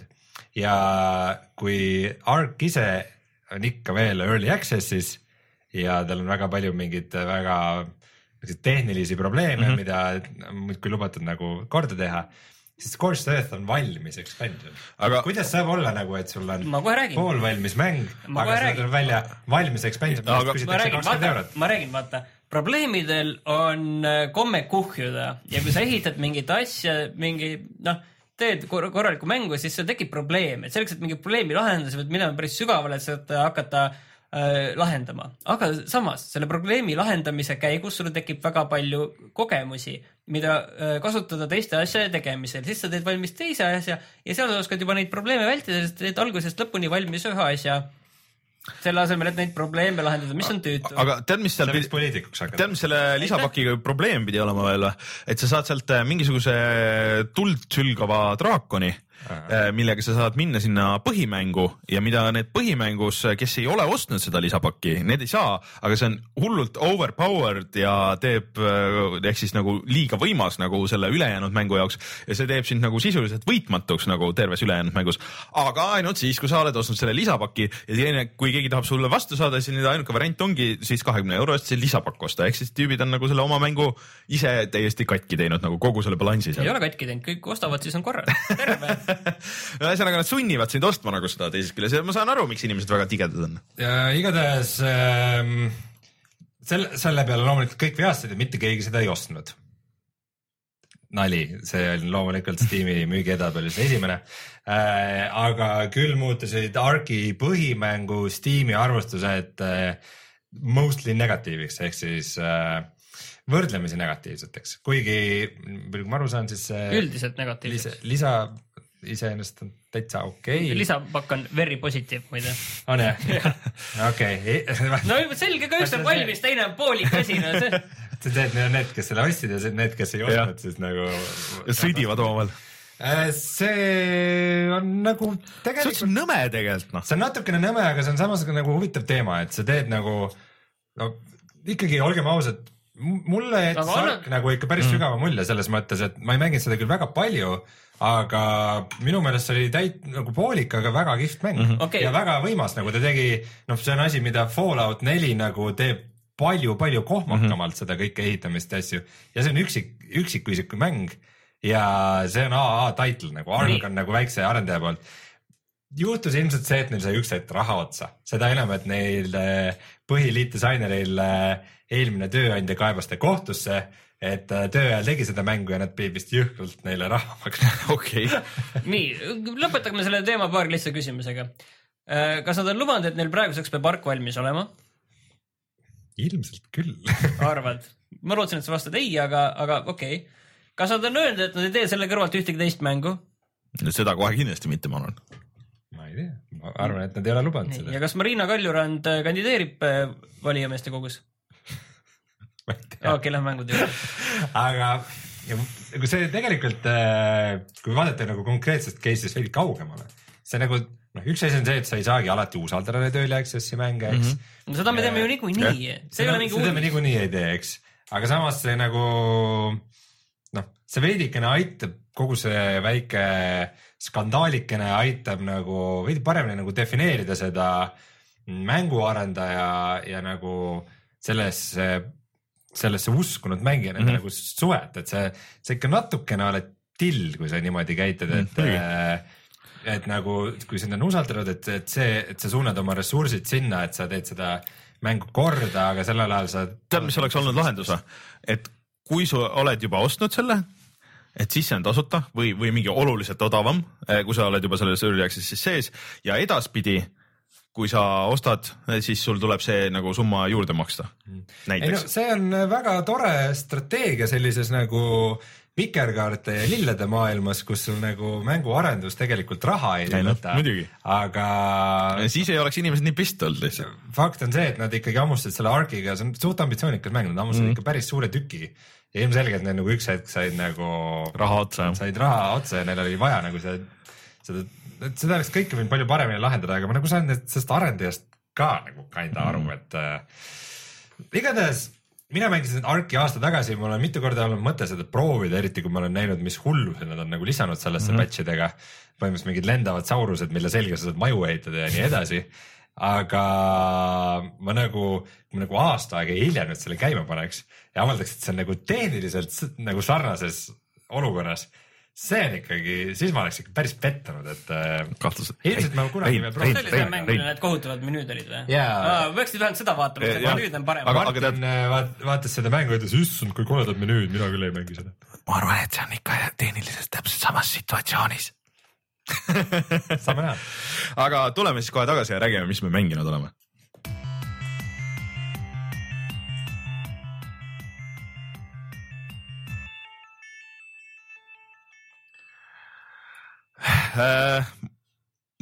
Martin, ma ei tea, tahad sa IFA-s siia algusesse midagi öelda no veel? tegelikult, mis mul nagu mängimise ja mängudega seoses seal, sellest teleritest me juba rääkisime, tegelikult ma ütlen, et lihtsalt, et jah, et see HDR telerid, noh, need näevad, need uued näevad tõesti väga head välja. Ja seal on muidugi veel selliseid uusi põnevaid lühendeid, mille, mille taust, mis on nagu need turundusterminid on igasugused advanced HDR ja mm -hmm. HLG ja Oh, hübriidloog gamma. et, et me, need on terminid, kuhu me peaks minema, aga me peaksime lihtsalt mõtlema HDR ja HD, et ja HDR kümme, et see PlayStation neli Pro siis toetab ka ainult HDR kümmet ehk okay. Siis see on üks HDR-i formaat. et see, see on asi, mida peate vaatama, kui te plaanite seda telekat osta, et, et kas see toetab. aga, aga muidu lihtsalt äh, ma tahtsin VR-i proovida, mul oli plaan seal palju VR-i proovida, aga, aga tuli välja, et Aceril seda Star VR-i, mis nendel esitlusel oli, seda nagu seal boksis neil ei olnudki, tuli välja. seda ma ei saanud proovida küll, aga neil oli seal boksis see kahekümne ühe tollise Kumera ekraaniga sülearvuti, mis kaalub kaheksa kilogrammi ja mille sees on kaks tuhat kaheksakümmend graafikakaarti, mitte M, vaid siis tuhat kaheksakümmend suurt graafikakaarti, et see on tohutu monster, noh. see ei ole nagu päris toode selles mõttes, et nad tegid selle lihtsalt mm, -hmm. Et kõik sellest räägiksid, nagu me praegu siin sellest räägime, aga see on lihtsalt niivõrd loll asi, et seda peab nagu rääkima ise ja katsuma, et seal on kaheksa kilo kaalu. kõrge, kõrgete klahvidega mehaaniline klaviatuur on seal näiteks ja see, see oli igast hullust, tõesti noh, kumer ekraan nagu sülearvutile paned kinni kaheksa kilo, see on nagu kaks pange vett. et see oli naljakas asi, aga tegelikult seal oli näiteks äh, üks, on selle nimi OS VR, open source mm -hmm. VR ja mm -hmm. Jep. peakomplekt. No ma tahtsin seda proovida selle täpne lahtiseletus on äh, totaalne mõttetu käkk. ja ma jõudsin samale järeldusele sellepärast, et äh, kui ma olen proovinud Oculus't Vive'i ja Playstation VR-i, siis mul kõike kell umbes üks minut.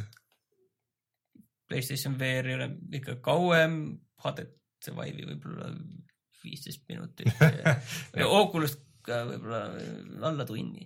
Aga ühesõnaga äh, seda ma kasutada prillidega ei saanud, sest selle konstruktsioon on nagu väga, väga väike. aga, aga kas, kas OSVR-i point ei ole see, et, et nad teevad lihtsalt nagu mingi baas mingisugused elemendid, mis iga nagu Tootja võib edasi ise tootja võib ja ise kasutada, teha oma Et selle nii- lahenduse nagu et, sellele. nii tarkvara kui riistvara jah. nii-öelda open source, et lihtsalt Jah. mingi standard paika panna. jah, seda küll, et see, ma ei tea, kas see oli see Razeri tehtud või. See Razer oli sellega seotud jah Ja see pidi kohutama olema. prototüübid või need teinud, et see oli seal. no idee on okei okay,, aga noh no, see lõ- lõpptarbijale ta praegu ei paku absoluutselt mitte midagi. ja Playstationis tahtsin näha tegelikult seda, mis VR-mängud seal oli ja seal muide oli Reeks ehk mm. siis see võitlusmäng äh, läbi silmade vaates, mis on ka selline Suured robotid. mekkidega. ja, ja et see, aga kahjuks seal oli järjekord ja lihtsalt mul oli ka sada teist kohta, kuhu ma tahtsin jõuda ja see, näiteks ma käisin kuskil Hiina boksis. Tuled sisse, kõik riiulid on erinevaid VR-seadmeid täis, näiteks sellised kohad olid, neid VR-seadmeid on palju ja, ja paljud olid muidugi niisama endale toonud selle ka, et näed, näitasid, mis seal on ja Samsungil oli näiteks äh, väga palju erinevaid selliseid VR-eksperimente, et kas sa olid nagu mingi ratta peal ja siis nagu sõitsid ja siis äh, nägid nagu tõmmatakse ratta peale nagu keskajal või? Selline asi oli ka, see oli mingi vulkaani mingi asi, kus tõesti inimesed pandi rippuma ja see keer VR ette ja siis seal olid või siis oli ka mingi raisa, raisakotkad äh, nokivad. ja siis meil oli mingi sõud, mis nagu võistlus, kus oli mingi kaheksa umbes sõude paati kõrvuti, kõigile pandi keer VR peale ja siis anti aerud kätte kütma okei. ja võib-olla oli mõned sellised veel, et ma ju seal kõiki ei jõudnud nagu vaadata, ise ma neid ühtegi proovinud, sest igal pool oli tohutu järjekord sinna minna nagu aeg-ajalt. aga eh, kui sa nüüd käisid siis seal Saksamaal siis eh, reisil seal, siis eh, ma andsin sulle kaasa eh, oma 3DS-i ühe nendest Eh, ja siis eh, siukse mängu nagu Fire Emblem Dual Fates või? Fire Emblem Fates. Fates jah, ja Fates ja seal on veel kaks, tegelikult on seda nagu kaks mängu, et üks on Fire Emblem Fates Birthright mm -hmm. ja teine on Fire Emblem Fates Conquest mm. -hmm. ma ei hakanud uurima, ma teadsin, et see on selline käigupõhine rollikas, aga ma ei hakanud uurima, mis on nende kahe mängu põhimõte, mis, kus seal erinevused sisse tulevad või, või mm -hmm. mis see teema üldse on. Ma korra lõin sisse, et soovitati võtta enne Birthright, et see on algajale sobilikum. Conquest äh, on natukene keerulisem kõik rohkem ma ei tahtnud teada. ja siis ma hakkasin seda mängima, et äh, see on iga tase põhimõtteliselt on üks käigupõhine võitluste süsteem, kus sul on üks peategelane, kes oled nagu sina, kes saab surma, siis tema, siis on mäng läbi mm. -hmm. või, ja siis sul on seal kambas võib-olla peol kuni kümme inimest mm. -hmm. kes sinuga koos on, kümme, mitte päris inimest, vaid siis kaaslast mm, -hmm. arvutijuhitud kaaslast kellel siis igaühel on, neil on erinevad klassid, erinevad oskused, erinevad relvad mm, -hmm. suhteliselt põhjalikult ikkagi selline ning äh, kõige kohta on väga toredad animatsioonid, iga võitlus, iga, iga löök, kõike saab näha. kui ma olin kolm taset ära mänginud, õnneks sai kõik välja keerata, kõik need animatsioonid, sest see läheb noh nii korduseks, et sul lihtsalt pool mängu sa vaatad ühte ja sama animatsiooni muidu. ja see on väga huvitavalt üles ehitatud mäng selles mõttes, et sa, sa võtad selle Birthrighti ja see on lugu äh, sinust, kes sa oled prints, kes tuleb välja, et on üles kasvanud äh, kaks vaenujalal olevat kuningriik on ja sa, sa oled ühest kuningriigist pärit, aga sind, sind on varastatud ja sa oled üles kasvanud teises kuningriigis Ahah. ning sul on kõik emotsionaalselt kõik seal väga seotud, seal on sul väike õde, sul on seal suured vennad, kõik, et perekond ja kui sa avastad, et sul on teine päris perekond ka, siis seal on sul ka kohe emotsionaalselt kõik selline suur mm -hmm. perekond, kõik öö, vanad sõbrad seal, kes, kes noh, nägid sind mm -hmm. üles kasvamas ja nii edasi. Ja siis sa pead tegema selle otsuse, et nüüd kumma kuningriigi poolt sa oled mm. -hmm. ja nüüd üks valik on see, et äh, birthright, et sa oledki äh, selle äh,, kus oled nagu.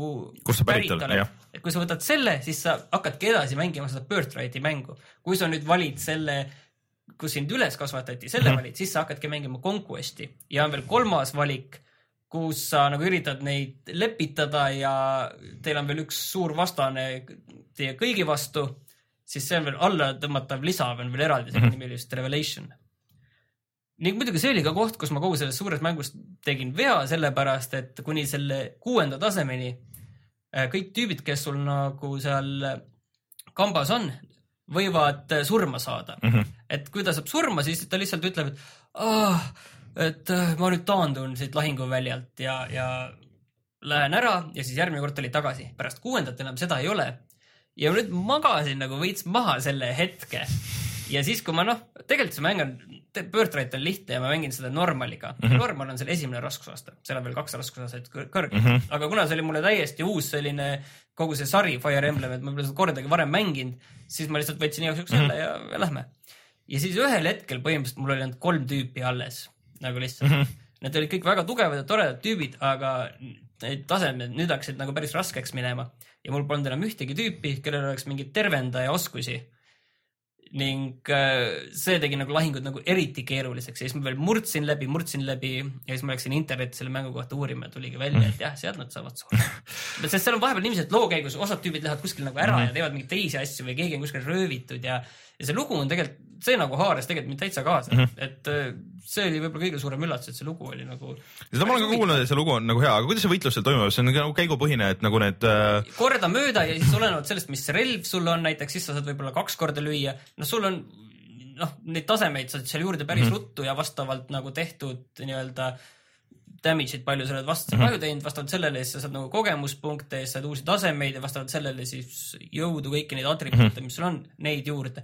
ja see lihtsalt käibki, et äh, käigupõhine, et sul on äh, see ruudustik ja mis on sinu liikumisulatuses, teda saad rünnata, sa pead arvestama, et siis kuidas sind vastu rünnatakse. see võitlus on tegelikult noh, ma julgeks öelda, et pigem nagu selline no, strateegia rohkem noh. ta on noh, strateegia, aga ma tahtsin öelda, et pigem nagu vähemalt sellise raskuse juures suhteliselt lihtne. et, et tõenäoliselt seal teiste raskusastmete juures on natukene keerulisem ja sa, ja sa tegelikult saad kasutada erinevaid na, nagu veel väga palju neid erinevaid äh, item eid, asju, mida saad kasutada igasugu veel võlujooki mm, -hmm. sa annad mingeid erioskusi ja kõike, aga lihtsalt äh, noh, mul ei läinud nagu peaaegu vajagi seda mm. -hmm. ja siis ükskord, kus mul kõik tüübid peale surma said, kui tavaliselt on selle kaardi juures on see, et lihtsalt, et võida vastased, siis ükskord oli see, et sina, sinu see peategelane peab põgenema teatud kohta ära mm. -hmm ja siis ma mõtlesin, et aga teised hoiavad kinni neid, kogu seda pearündajaid mm -hmm. ja siis nad hoidsid kinni, said seal kõik surma või neid nagu vaevagi ja mina ise põgenesin ära, mõtlesin, et siis on nagu tase läbi ja läheb edasi, aga kõik said surma. selles mõttes, et Fire Emblem on äh, üks mingisugune vana Playstation kahe versioon, minu meelest on suhteliselt kuulus selle poolest, et kui sa said surma, et see ei olnud niimoodi, et sa võtsid nagu eelmise seivi ja laadisid ära, siis sul seiv oli läinud, see oli kõik et äh, siis hakkasid uuesti algusest. no seal on erinevaid variante, tegelikult on seal ka nagu, kuidas sa tahad mängida, et kas tahad nagu classic mängu mängida mm, -hmm. mis tegelikult oligi ma oleks pidanud võib-olla natuke süvenema mm, -hmm. mul oli lennukis ühelt teise, siis ma nagu ei süvenenud sada protsenti kõigesse. ja, ja siis on ka erinevad mängud, et kõik tulevad tagasi, nad võivad surma saada, kas nad mm -hmm. tulevad tagasi või nad tulevad nagu pärast järgmist missiooni tagasi mm, -hmm. et seal on väike veel selline lõtk, millal nad tulevad tagasi aga kokkuvõttes tegelikult mul jättis väga hea mulje, aga ma pole nagu praegu kindel, kas ma võtsiksin nüüd nagu uuesti selle mängu ette võtta ja rohkem nagu sada protsenti selle mõttega nagu mm -hmm. sees olla et.... no ainuke variant oleks siis, et minna siis sinna teise juba. jaa, aga see teine on nagu raskem mm. -hmm. seda no, aga siis võib-olla ongi huvitav. see teine on nagu selgelt nagu raskem ja, ja muidu sa vahepeal nagu nende missioonide vahepeal siis sa ehitad endale seal kindlust mm -hmm. ja, ja saad maju teha mm -hmm. ja saad äh, suhelda selle, kes need tüübid seal on ja saad mm -hmm. abielluda seal kellegiga ja saad Mhm. lapsi saada ja siis need lapsed tulevad ka võitlusväljale ja see aeg läheb sul väga ruttu, mm -hmm. seal mingid pätakad jooksevad ringi juba lendavad majja.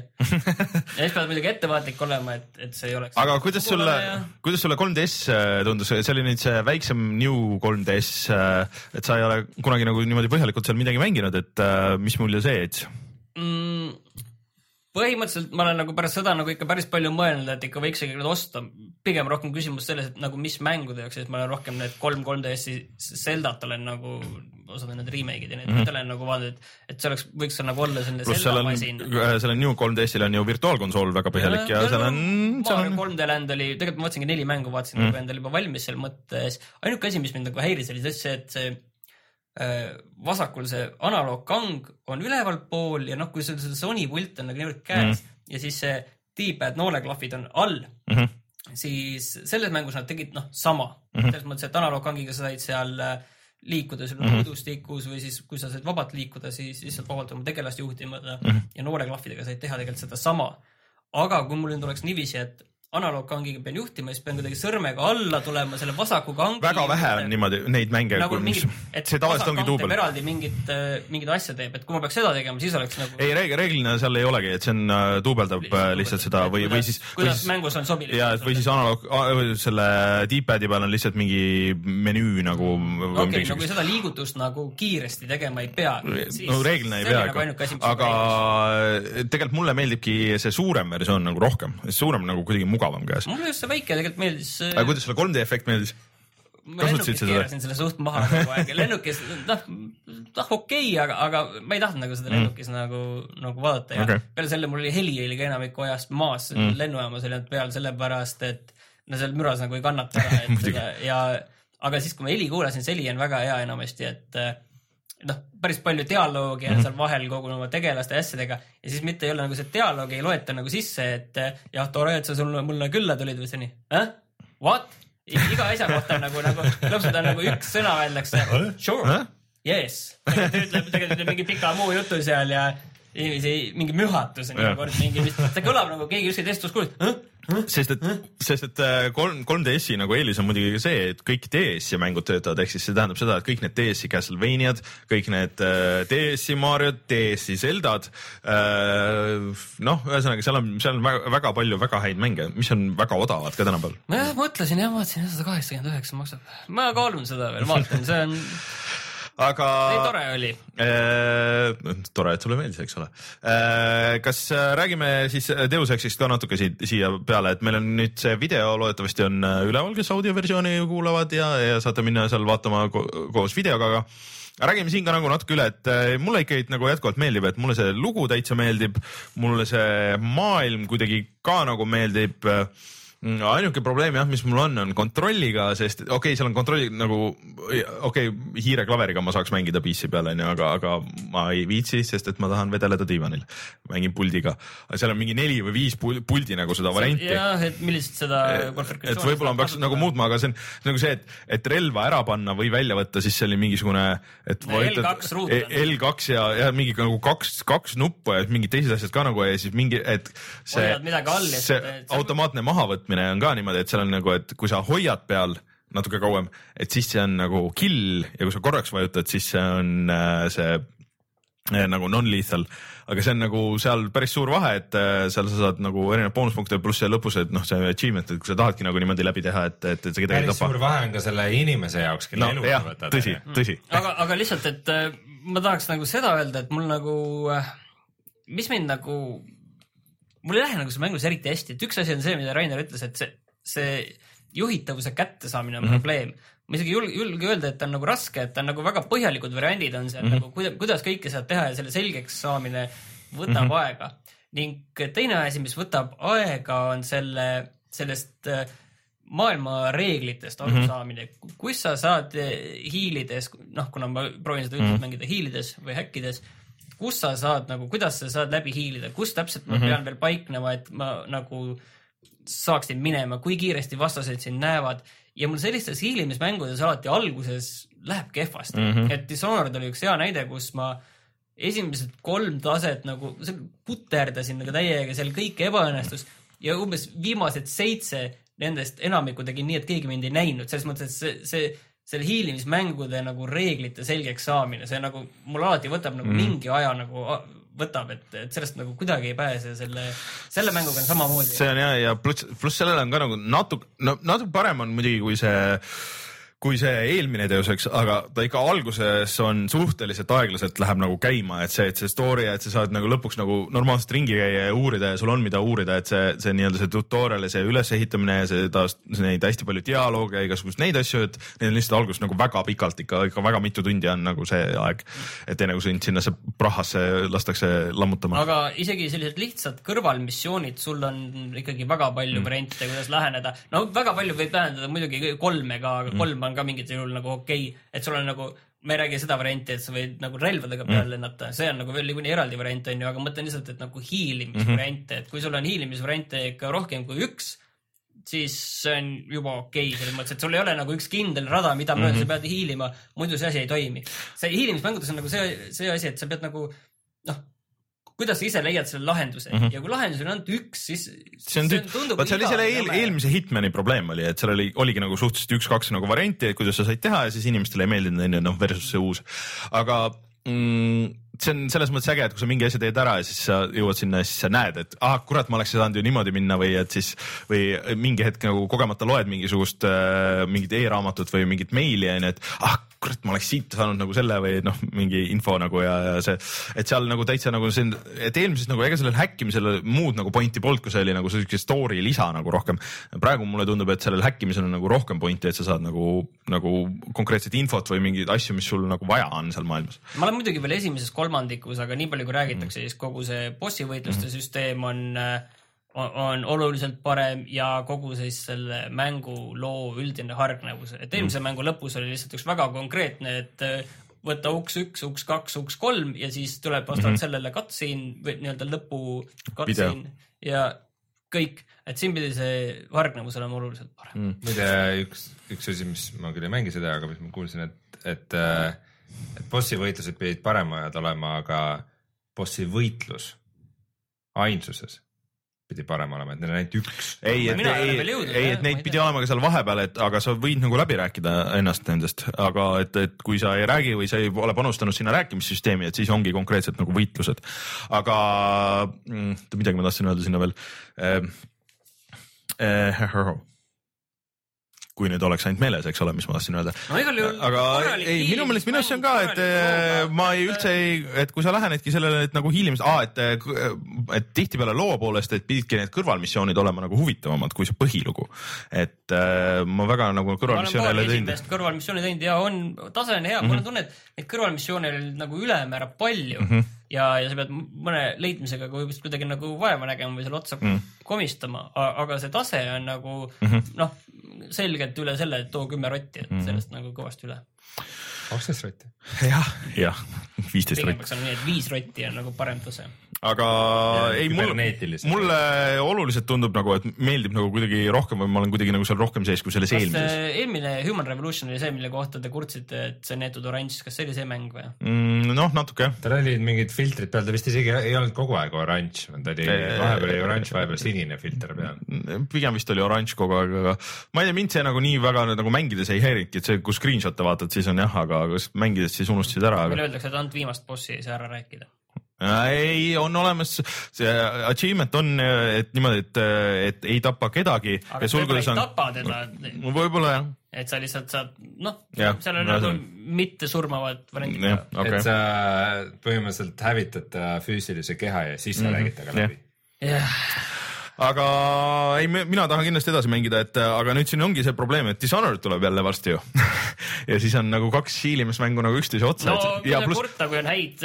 pluss uh, Hitman tuleb ka kohe, see, see USA missioon tuleb nüüd. ei, aga jõuame edasi, siis räägime sellest veel edasi. see on üks mänge, mis jääb siia saatesse kestma praegu. aga see Hitmani, see Ameerika episood on siis selle nagu esimese hooaja viimane, jah? ei, Jaapan on ka veel ja võib-olla veel midagi vähemalt, vähemalt USA ja Jaapan on. vist kokku, praegu on neli väljas, siis on. jah, siis on vist jah. USA ja Jaapan või mm? -hmm. ja nad teevad seal, seal on ju need mingid vaheasjad ka, et mis on nagu täiesti, et nagu samad kaardid, aga mingi muudetud kõvasti, et äh, aga need on olnud need kuradi ma elusive target'id, et äh, mis on ainult nagu terve nädalavahetus ja sul on üks võimalus nagu proovida seda mm.. et äh, ma ei ole saanud ühtegi nendest mängida, sest et ma ei ole olnud nädalavahetusel kodus niimoodi, et ma saaks mängida. aga noh. mis aga... nädalavahetusel, võiks ikka nädal aega olla ju. ei, see on ainult äh, mingi reedest pühapäevani hmm,. väga huvitav ja imelik. püsi kodus, hoia edasi eemale tänavagängidest õpi mm, -hmm. mängi Hitmani.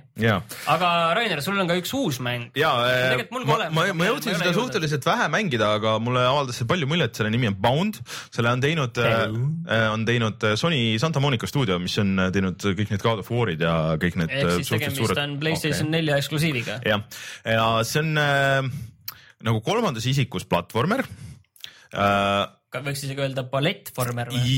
jah, ja see ongi, et kogu liikumine on nagu tantsuline, et sul, sa oled nagu siukses mingis veidras äh, dimensioonis, oled printsess äh,, kes peab äh, minema.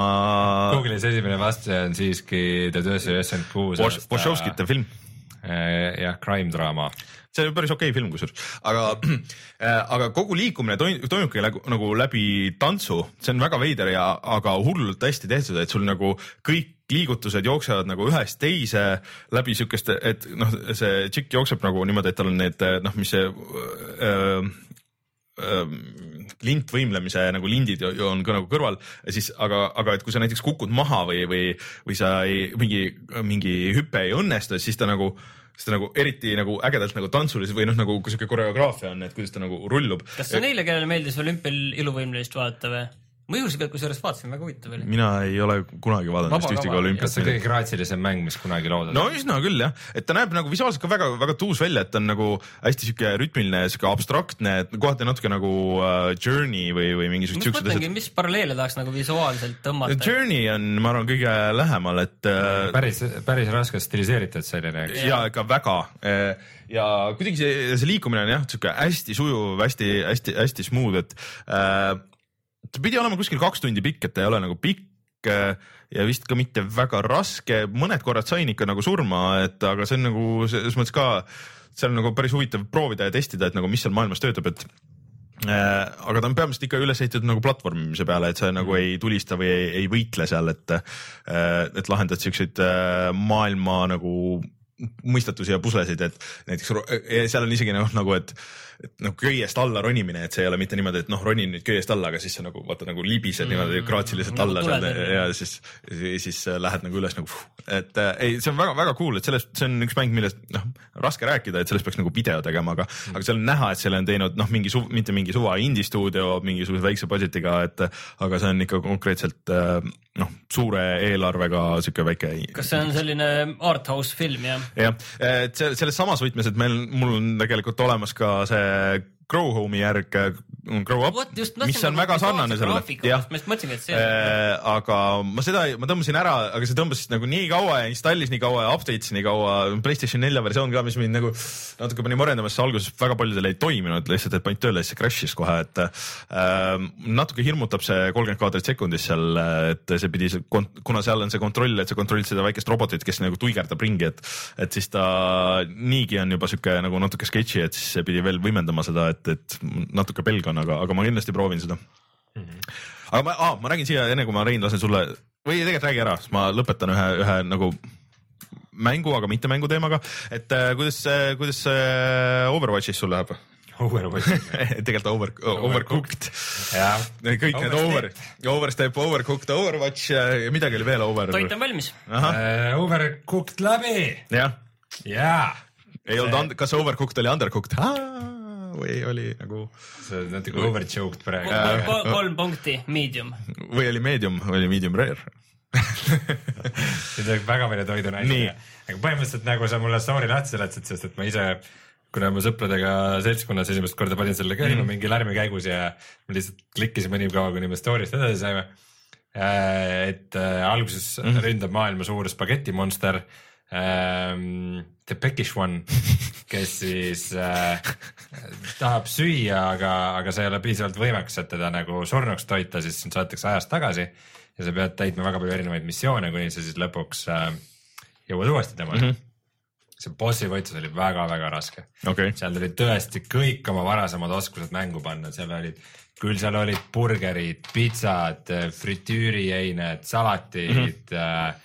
Äh, igasuguseid asju, mida pidi vaheldumisi tegema ja liikuvad. korralik tramm, nagu öeldakse restorani business'is. ikka päris hull möll, väga, mitu õhtut läks äh, elukaaslasega selle peale, enne kui me, kui me ära tegime. aga siis oli muidugi selle võrra tulemus väärikam, et mm., et seal on nagu selles mõttes naljakas süsteem, kuidas, et see on justkui nagu niuke mm,, see on niuke noh, nagu Super Mariotes mm -hmm. või kuskil, see on see nagu world'ide süsteem mm, -hmm. kus sa väikse bussikesega ringi sõidad mm, -hmm. eks. ja see on see, et sa saad nagu eri, erinevatesse levelitesse tagasi minna ja vastavalt sinu sooritusele saad üks kuni kolm tärni mm. -hmm.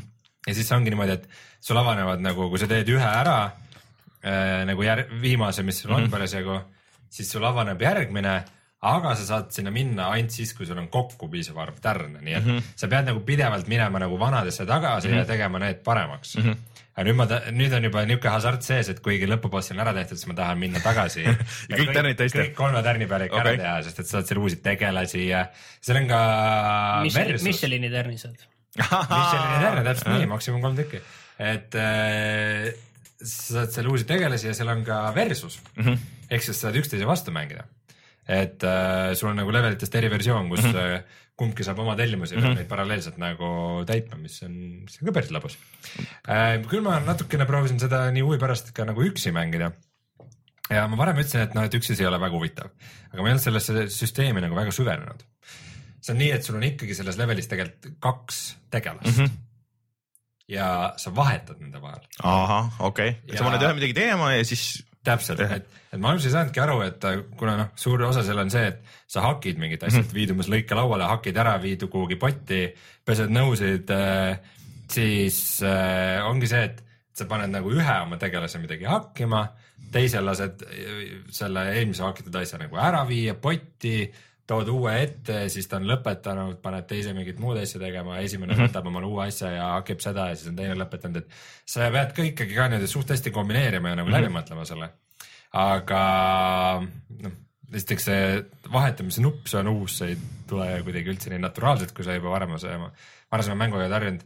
ja see ikkagi ei ole nagu nii väga, väga huvitav, et ta on ikkagi natukene igav üksi mm, -hmm. aga koos nagu sama arvuti või konsooli taga, kui teil on mitu pulti või äh, noh, seda saabki mängida nii, et üks mängib arvuti taga mm, -hmm. et üks mhm. mängib klaviatuuriga, teine mm -hmm. puldiga ja ühe puldi peal saab mitmekesi mängida mm. -hmm. see on väga veider süsteem jah. ja et kumbki kasutab ühte kangi ja paari nuppu nagu, et äh, mis ka noh, põhimõtteliselt väga tüütu on alguses või väga harjunud. aga põhimõtteliselt saab, saab hakkama, see lisab mingi selle oma selle. pinge all on see nagu veel jaburam ja lõbusam, eks. et põhimõtteliselt ongi, et kui sul on arvuti küljes üks pulss, siis saab juba kolmekesi mm -hmm. mängida mm -hmm.. võib-olla hiirega vist ei saa, ei vist ei saa.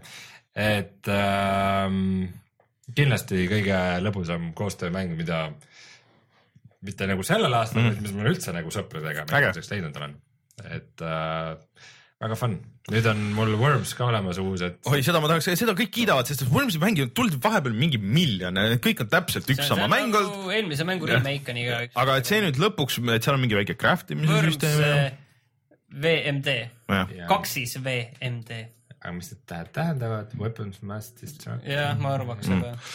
kuigi ma vaatasin selle treilerit ja, ja need olid ikka nagu need kõik need täpselt samad relvad, mis seal on mingi esimeses mm -hmm. Worms'is saadik. aga ainult, et nüüd sul on see relvade, et lihtsalt see craft imise ja uuendamise süsteem, et sa saad nagu paremaks teha neid ja seal on mingi story osa ja no ma ei tea, ühesõnaga ma, ma väga. see on ühe arvuti taga sõbraga mängides kõige olulisem. vot ma just mõtlen, et äh, väga huviga ootan nagu, et, et, et mis sa nagu arvad sellest, et kas see tõesti nagu ka väärt seda. see ei ole nagu päris odav, selles mõttes on kolm, kolmkümmend eurot yeah. on see Steamis praegu, et see mm. tunduks nagu need Worms'id on alati mingi viisteist euri, kakskümmend euri, aga kolmkümmend on juba yeah. kaks korda võimsam GPU jõud. veider, veider on muidugi see, et Team Seventeen äh, siis seesama firma, kes on ajast algusest teinud neid Wormsi mänge, siis äh, on välja andnud ka selle Overcooked'i.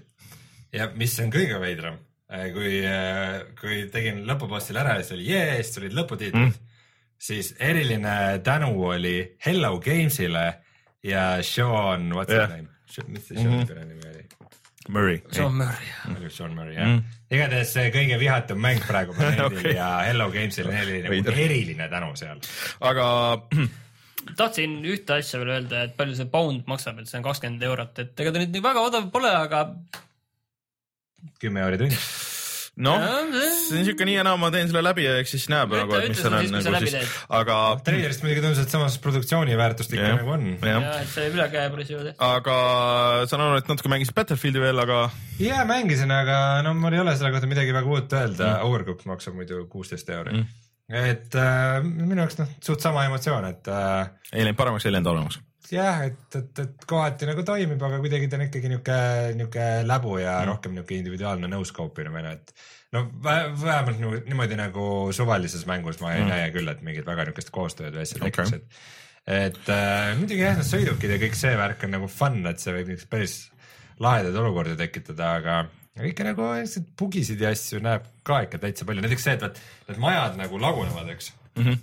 ja siis on see, et vahepeal sa jooksed ringi ja need majade need tekstuurid vilguvad mm, -hmm. sa näed neid nagu liite kohti yeah. ja siis see nagu. vana kool ja täpselt, see on see, et sul on üks asi nagu teise mm -hmm. sees ja siis selle tekstuur mm -hmm. yeah.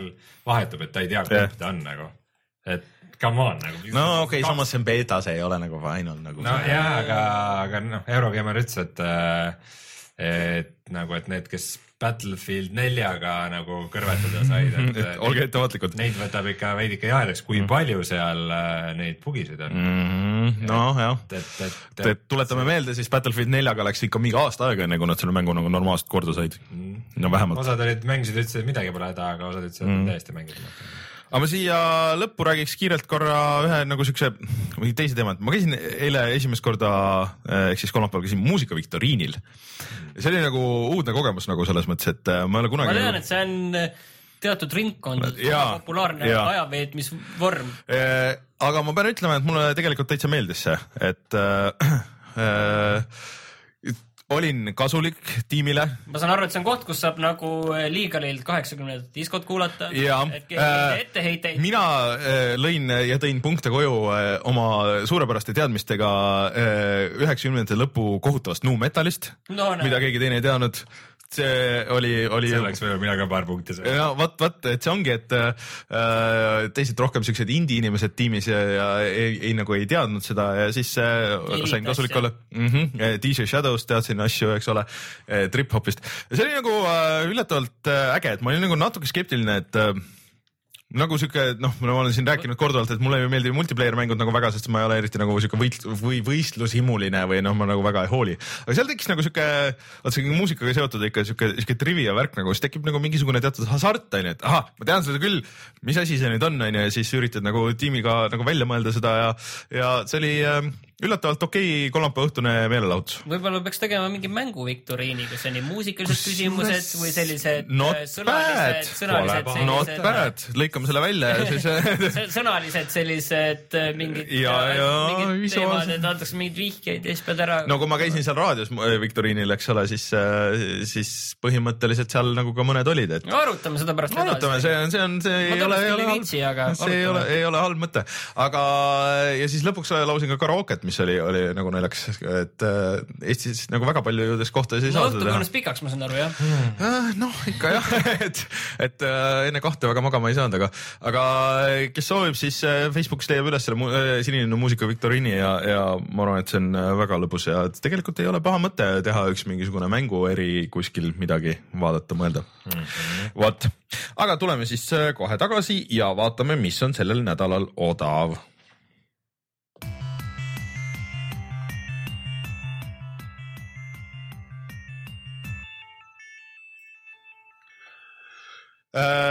lisaks sellele, et äh, on see, mis, millest me kohe siin maha ütleme, siis äh, see nädalavahetus on ka konsoolidel äh, see va- Overwatch tasuta, et ja, äh, ja ma võin teid üllatada, et Playstationil on jälle mingi allahindlus, et. Ma juba enne kord ei ütlesin., aga nüüd on uus jaa või?, jälle uus, minge uurige ise, minge uurige ise, ma isegi ei hakka seletama enam, muidu me iga okay. Korra reklaamime seda.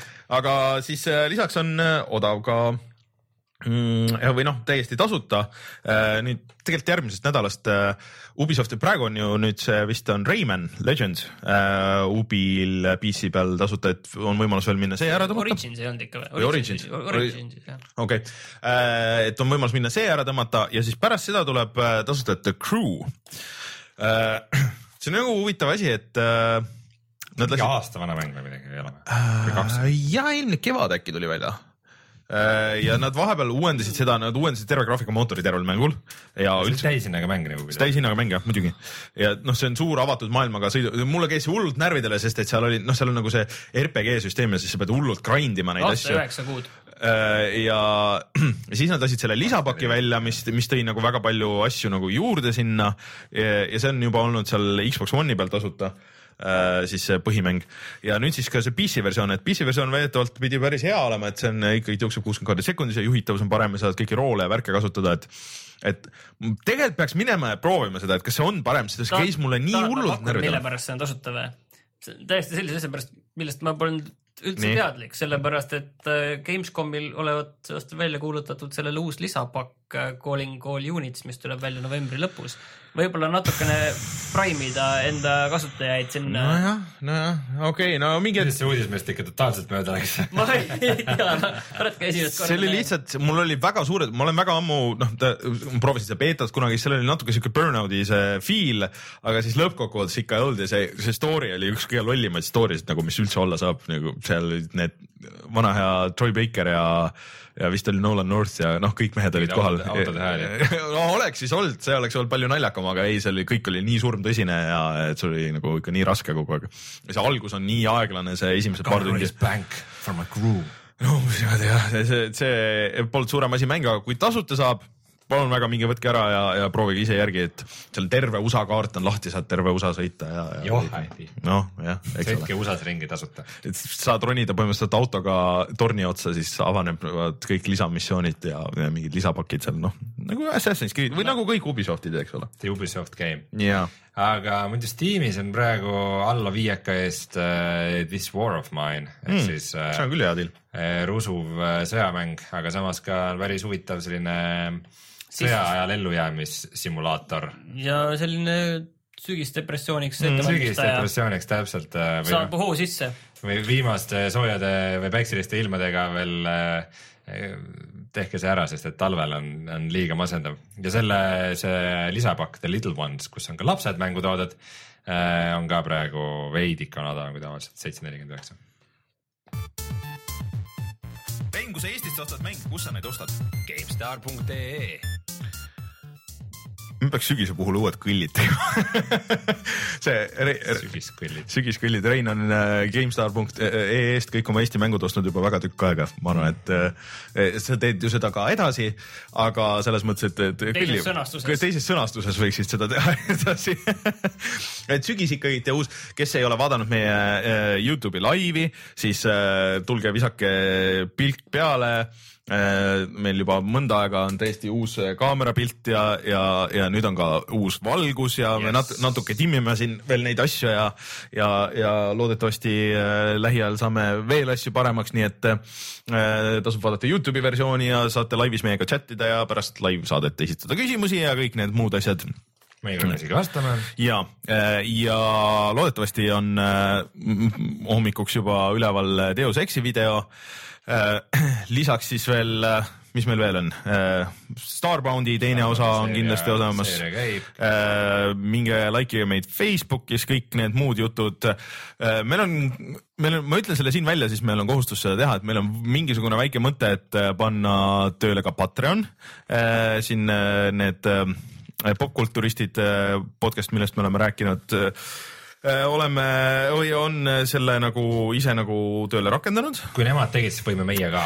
nojah, no see idee tundub, et noh, et põhimõtteliselt teie oleksite meile motivaator ja meie oleksime teile motivaator, et et kuidas toetada podcast'i arendamist ja elu, aga selle peale me mõtleme. kui teil on mingeid häid ideid, mida ja kuidas teha, siis palun andke teada äh,. oleme tagasi juba järgmine nädal, mis meil, kas meil on midagi, mingit põnevat tulemas siin vahepeal, on meil uusi mänge või, või on meil mingeid uusi pressikaid või kas tuleb mingi uusi konsoole või? võib-olla on uus konsool käes, ehk siis näeb. aa, niimoodi päris või? okei, okei, tuus. aga siis äh, aitäh, Martin ja Rein, tore oli olla kolmekesti jälle üle pika aja. ja äh, sa oled kohtume, ilmselgelt excited. ja kohtume järgmine nädal. tšau. tšau.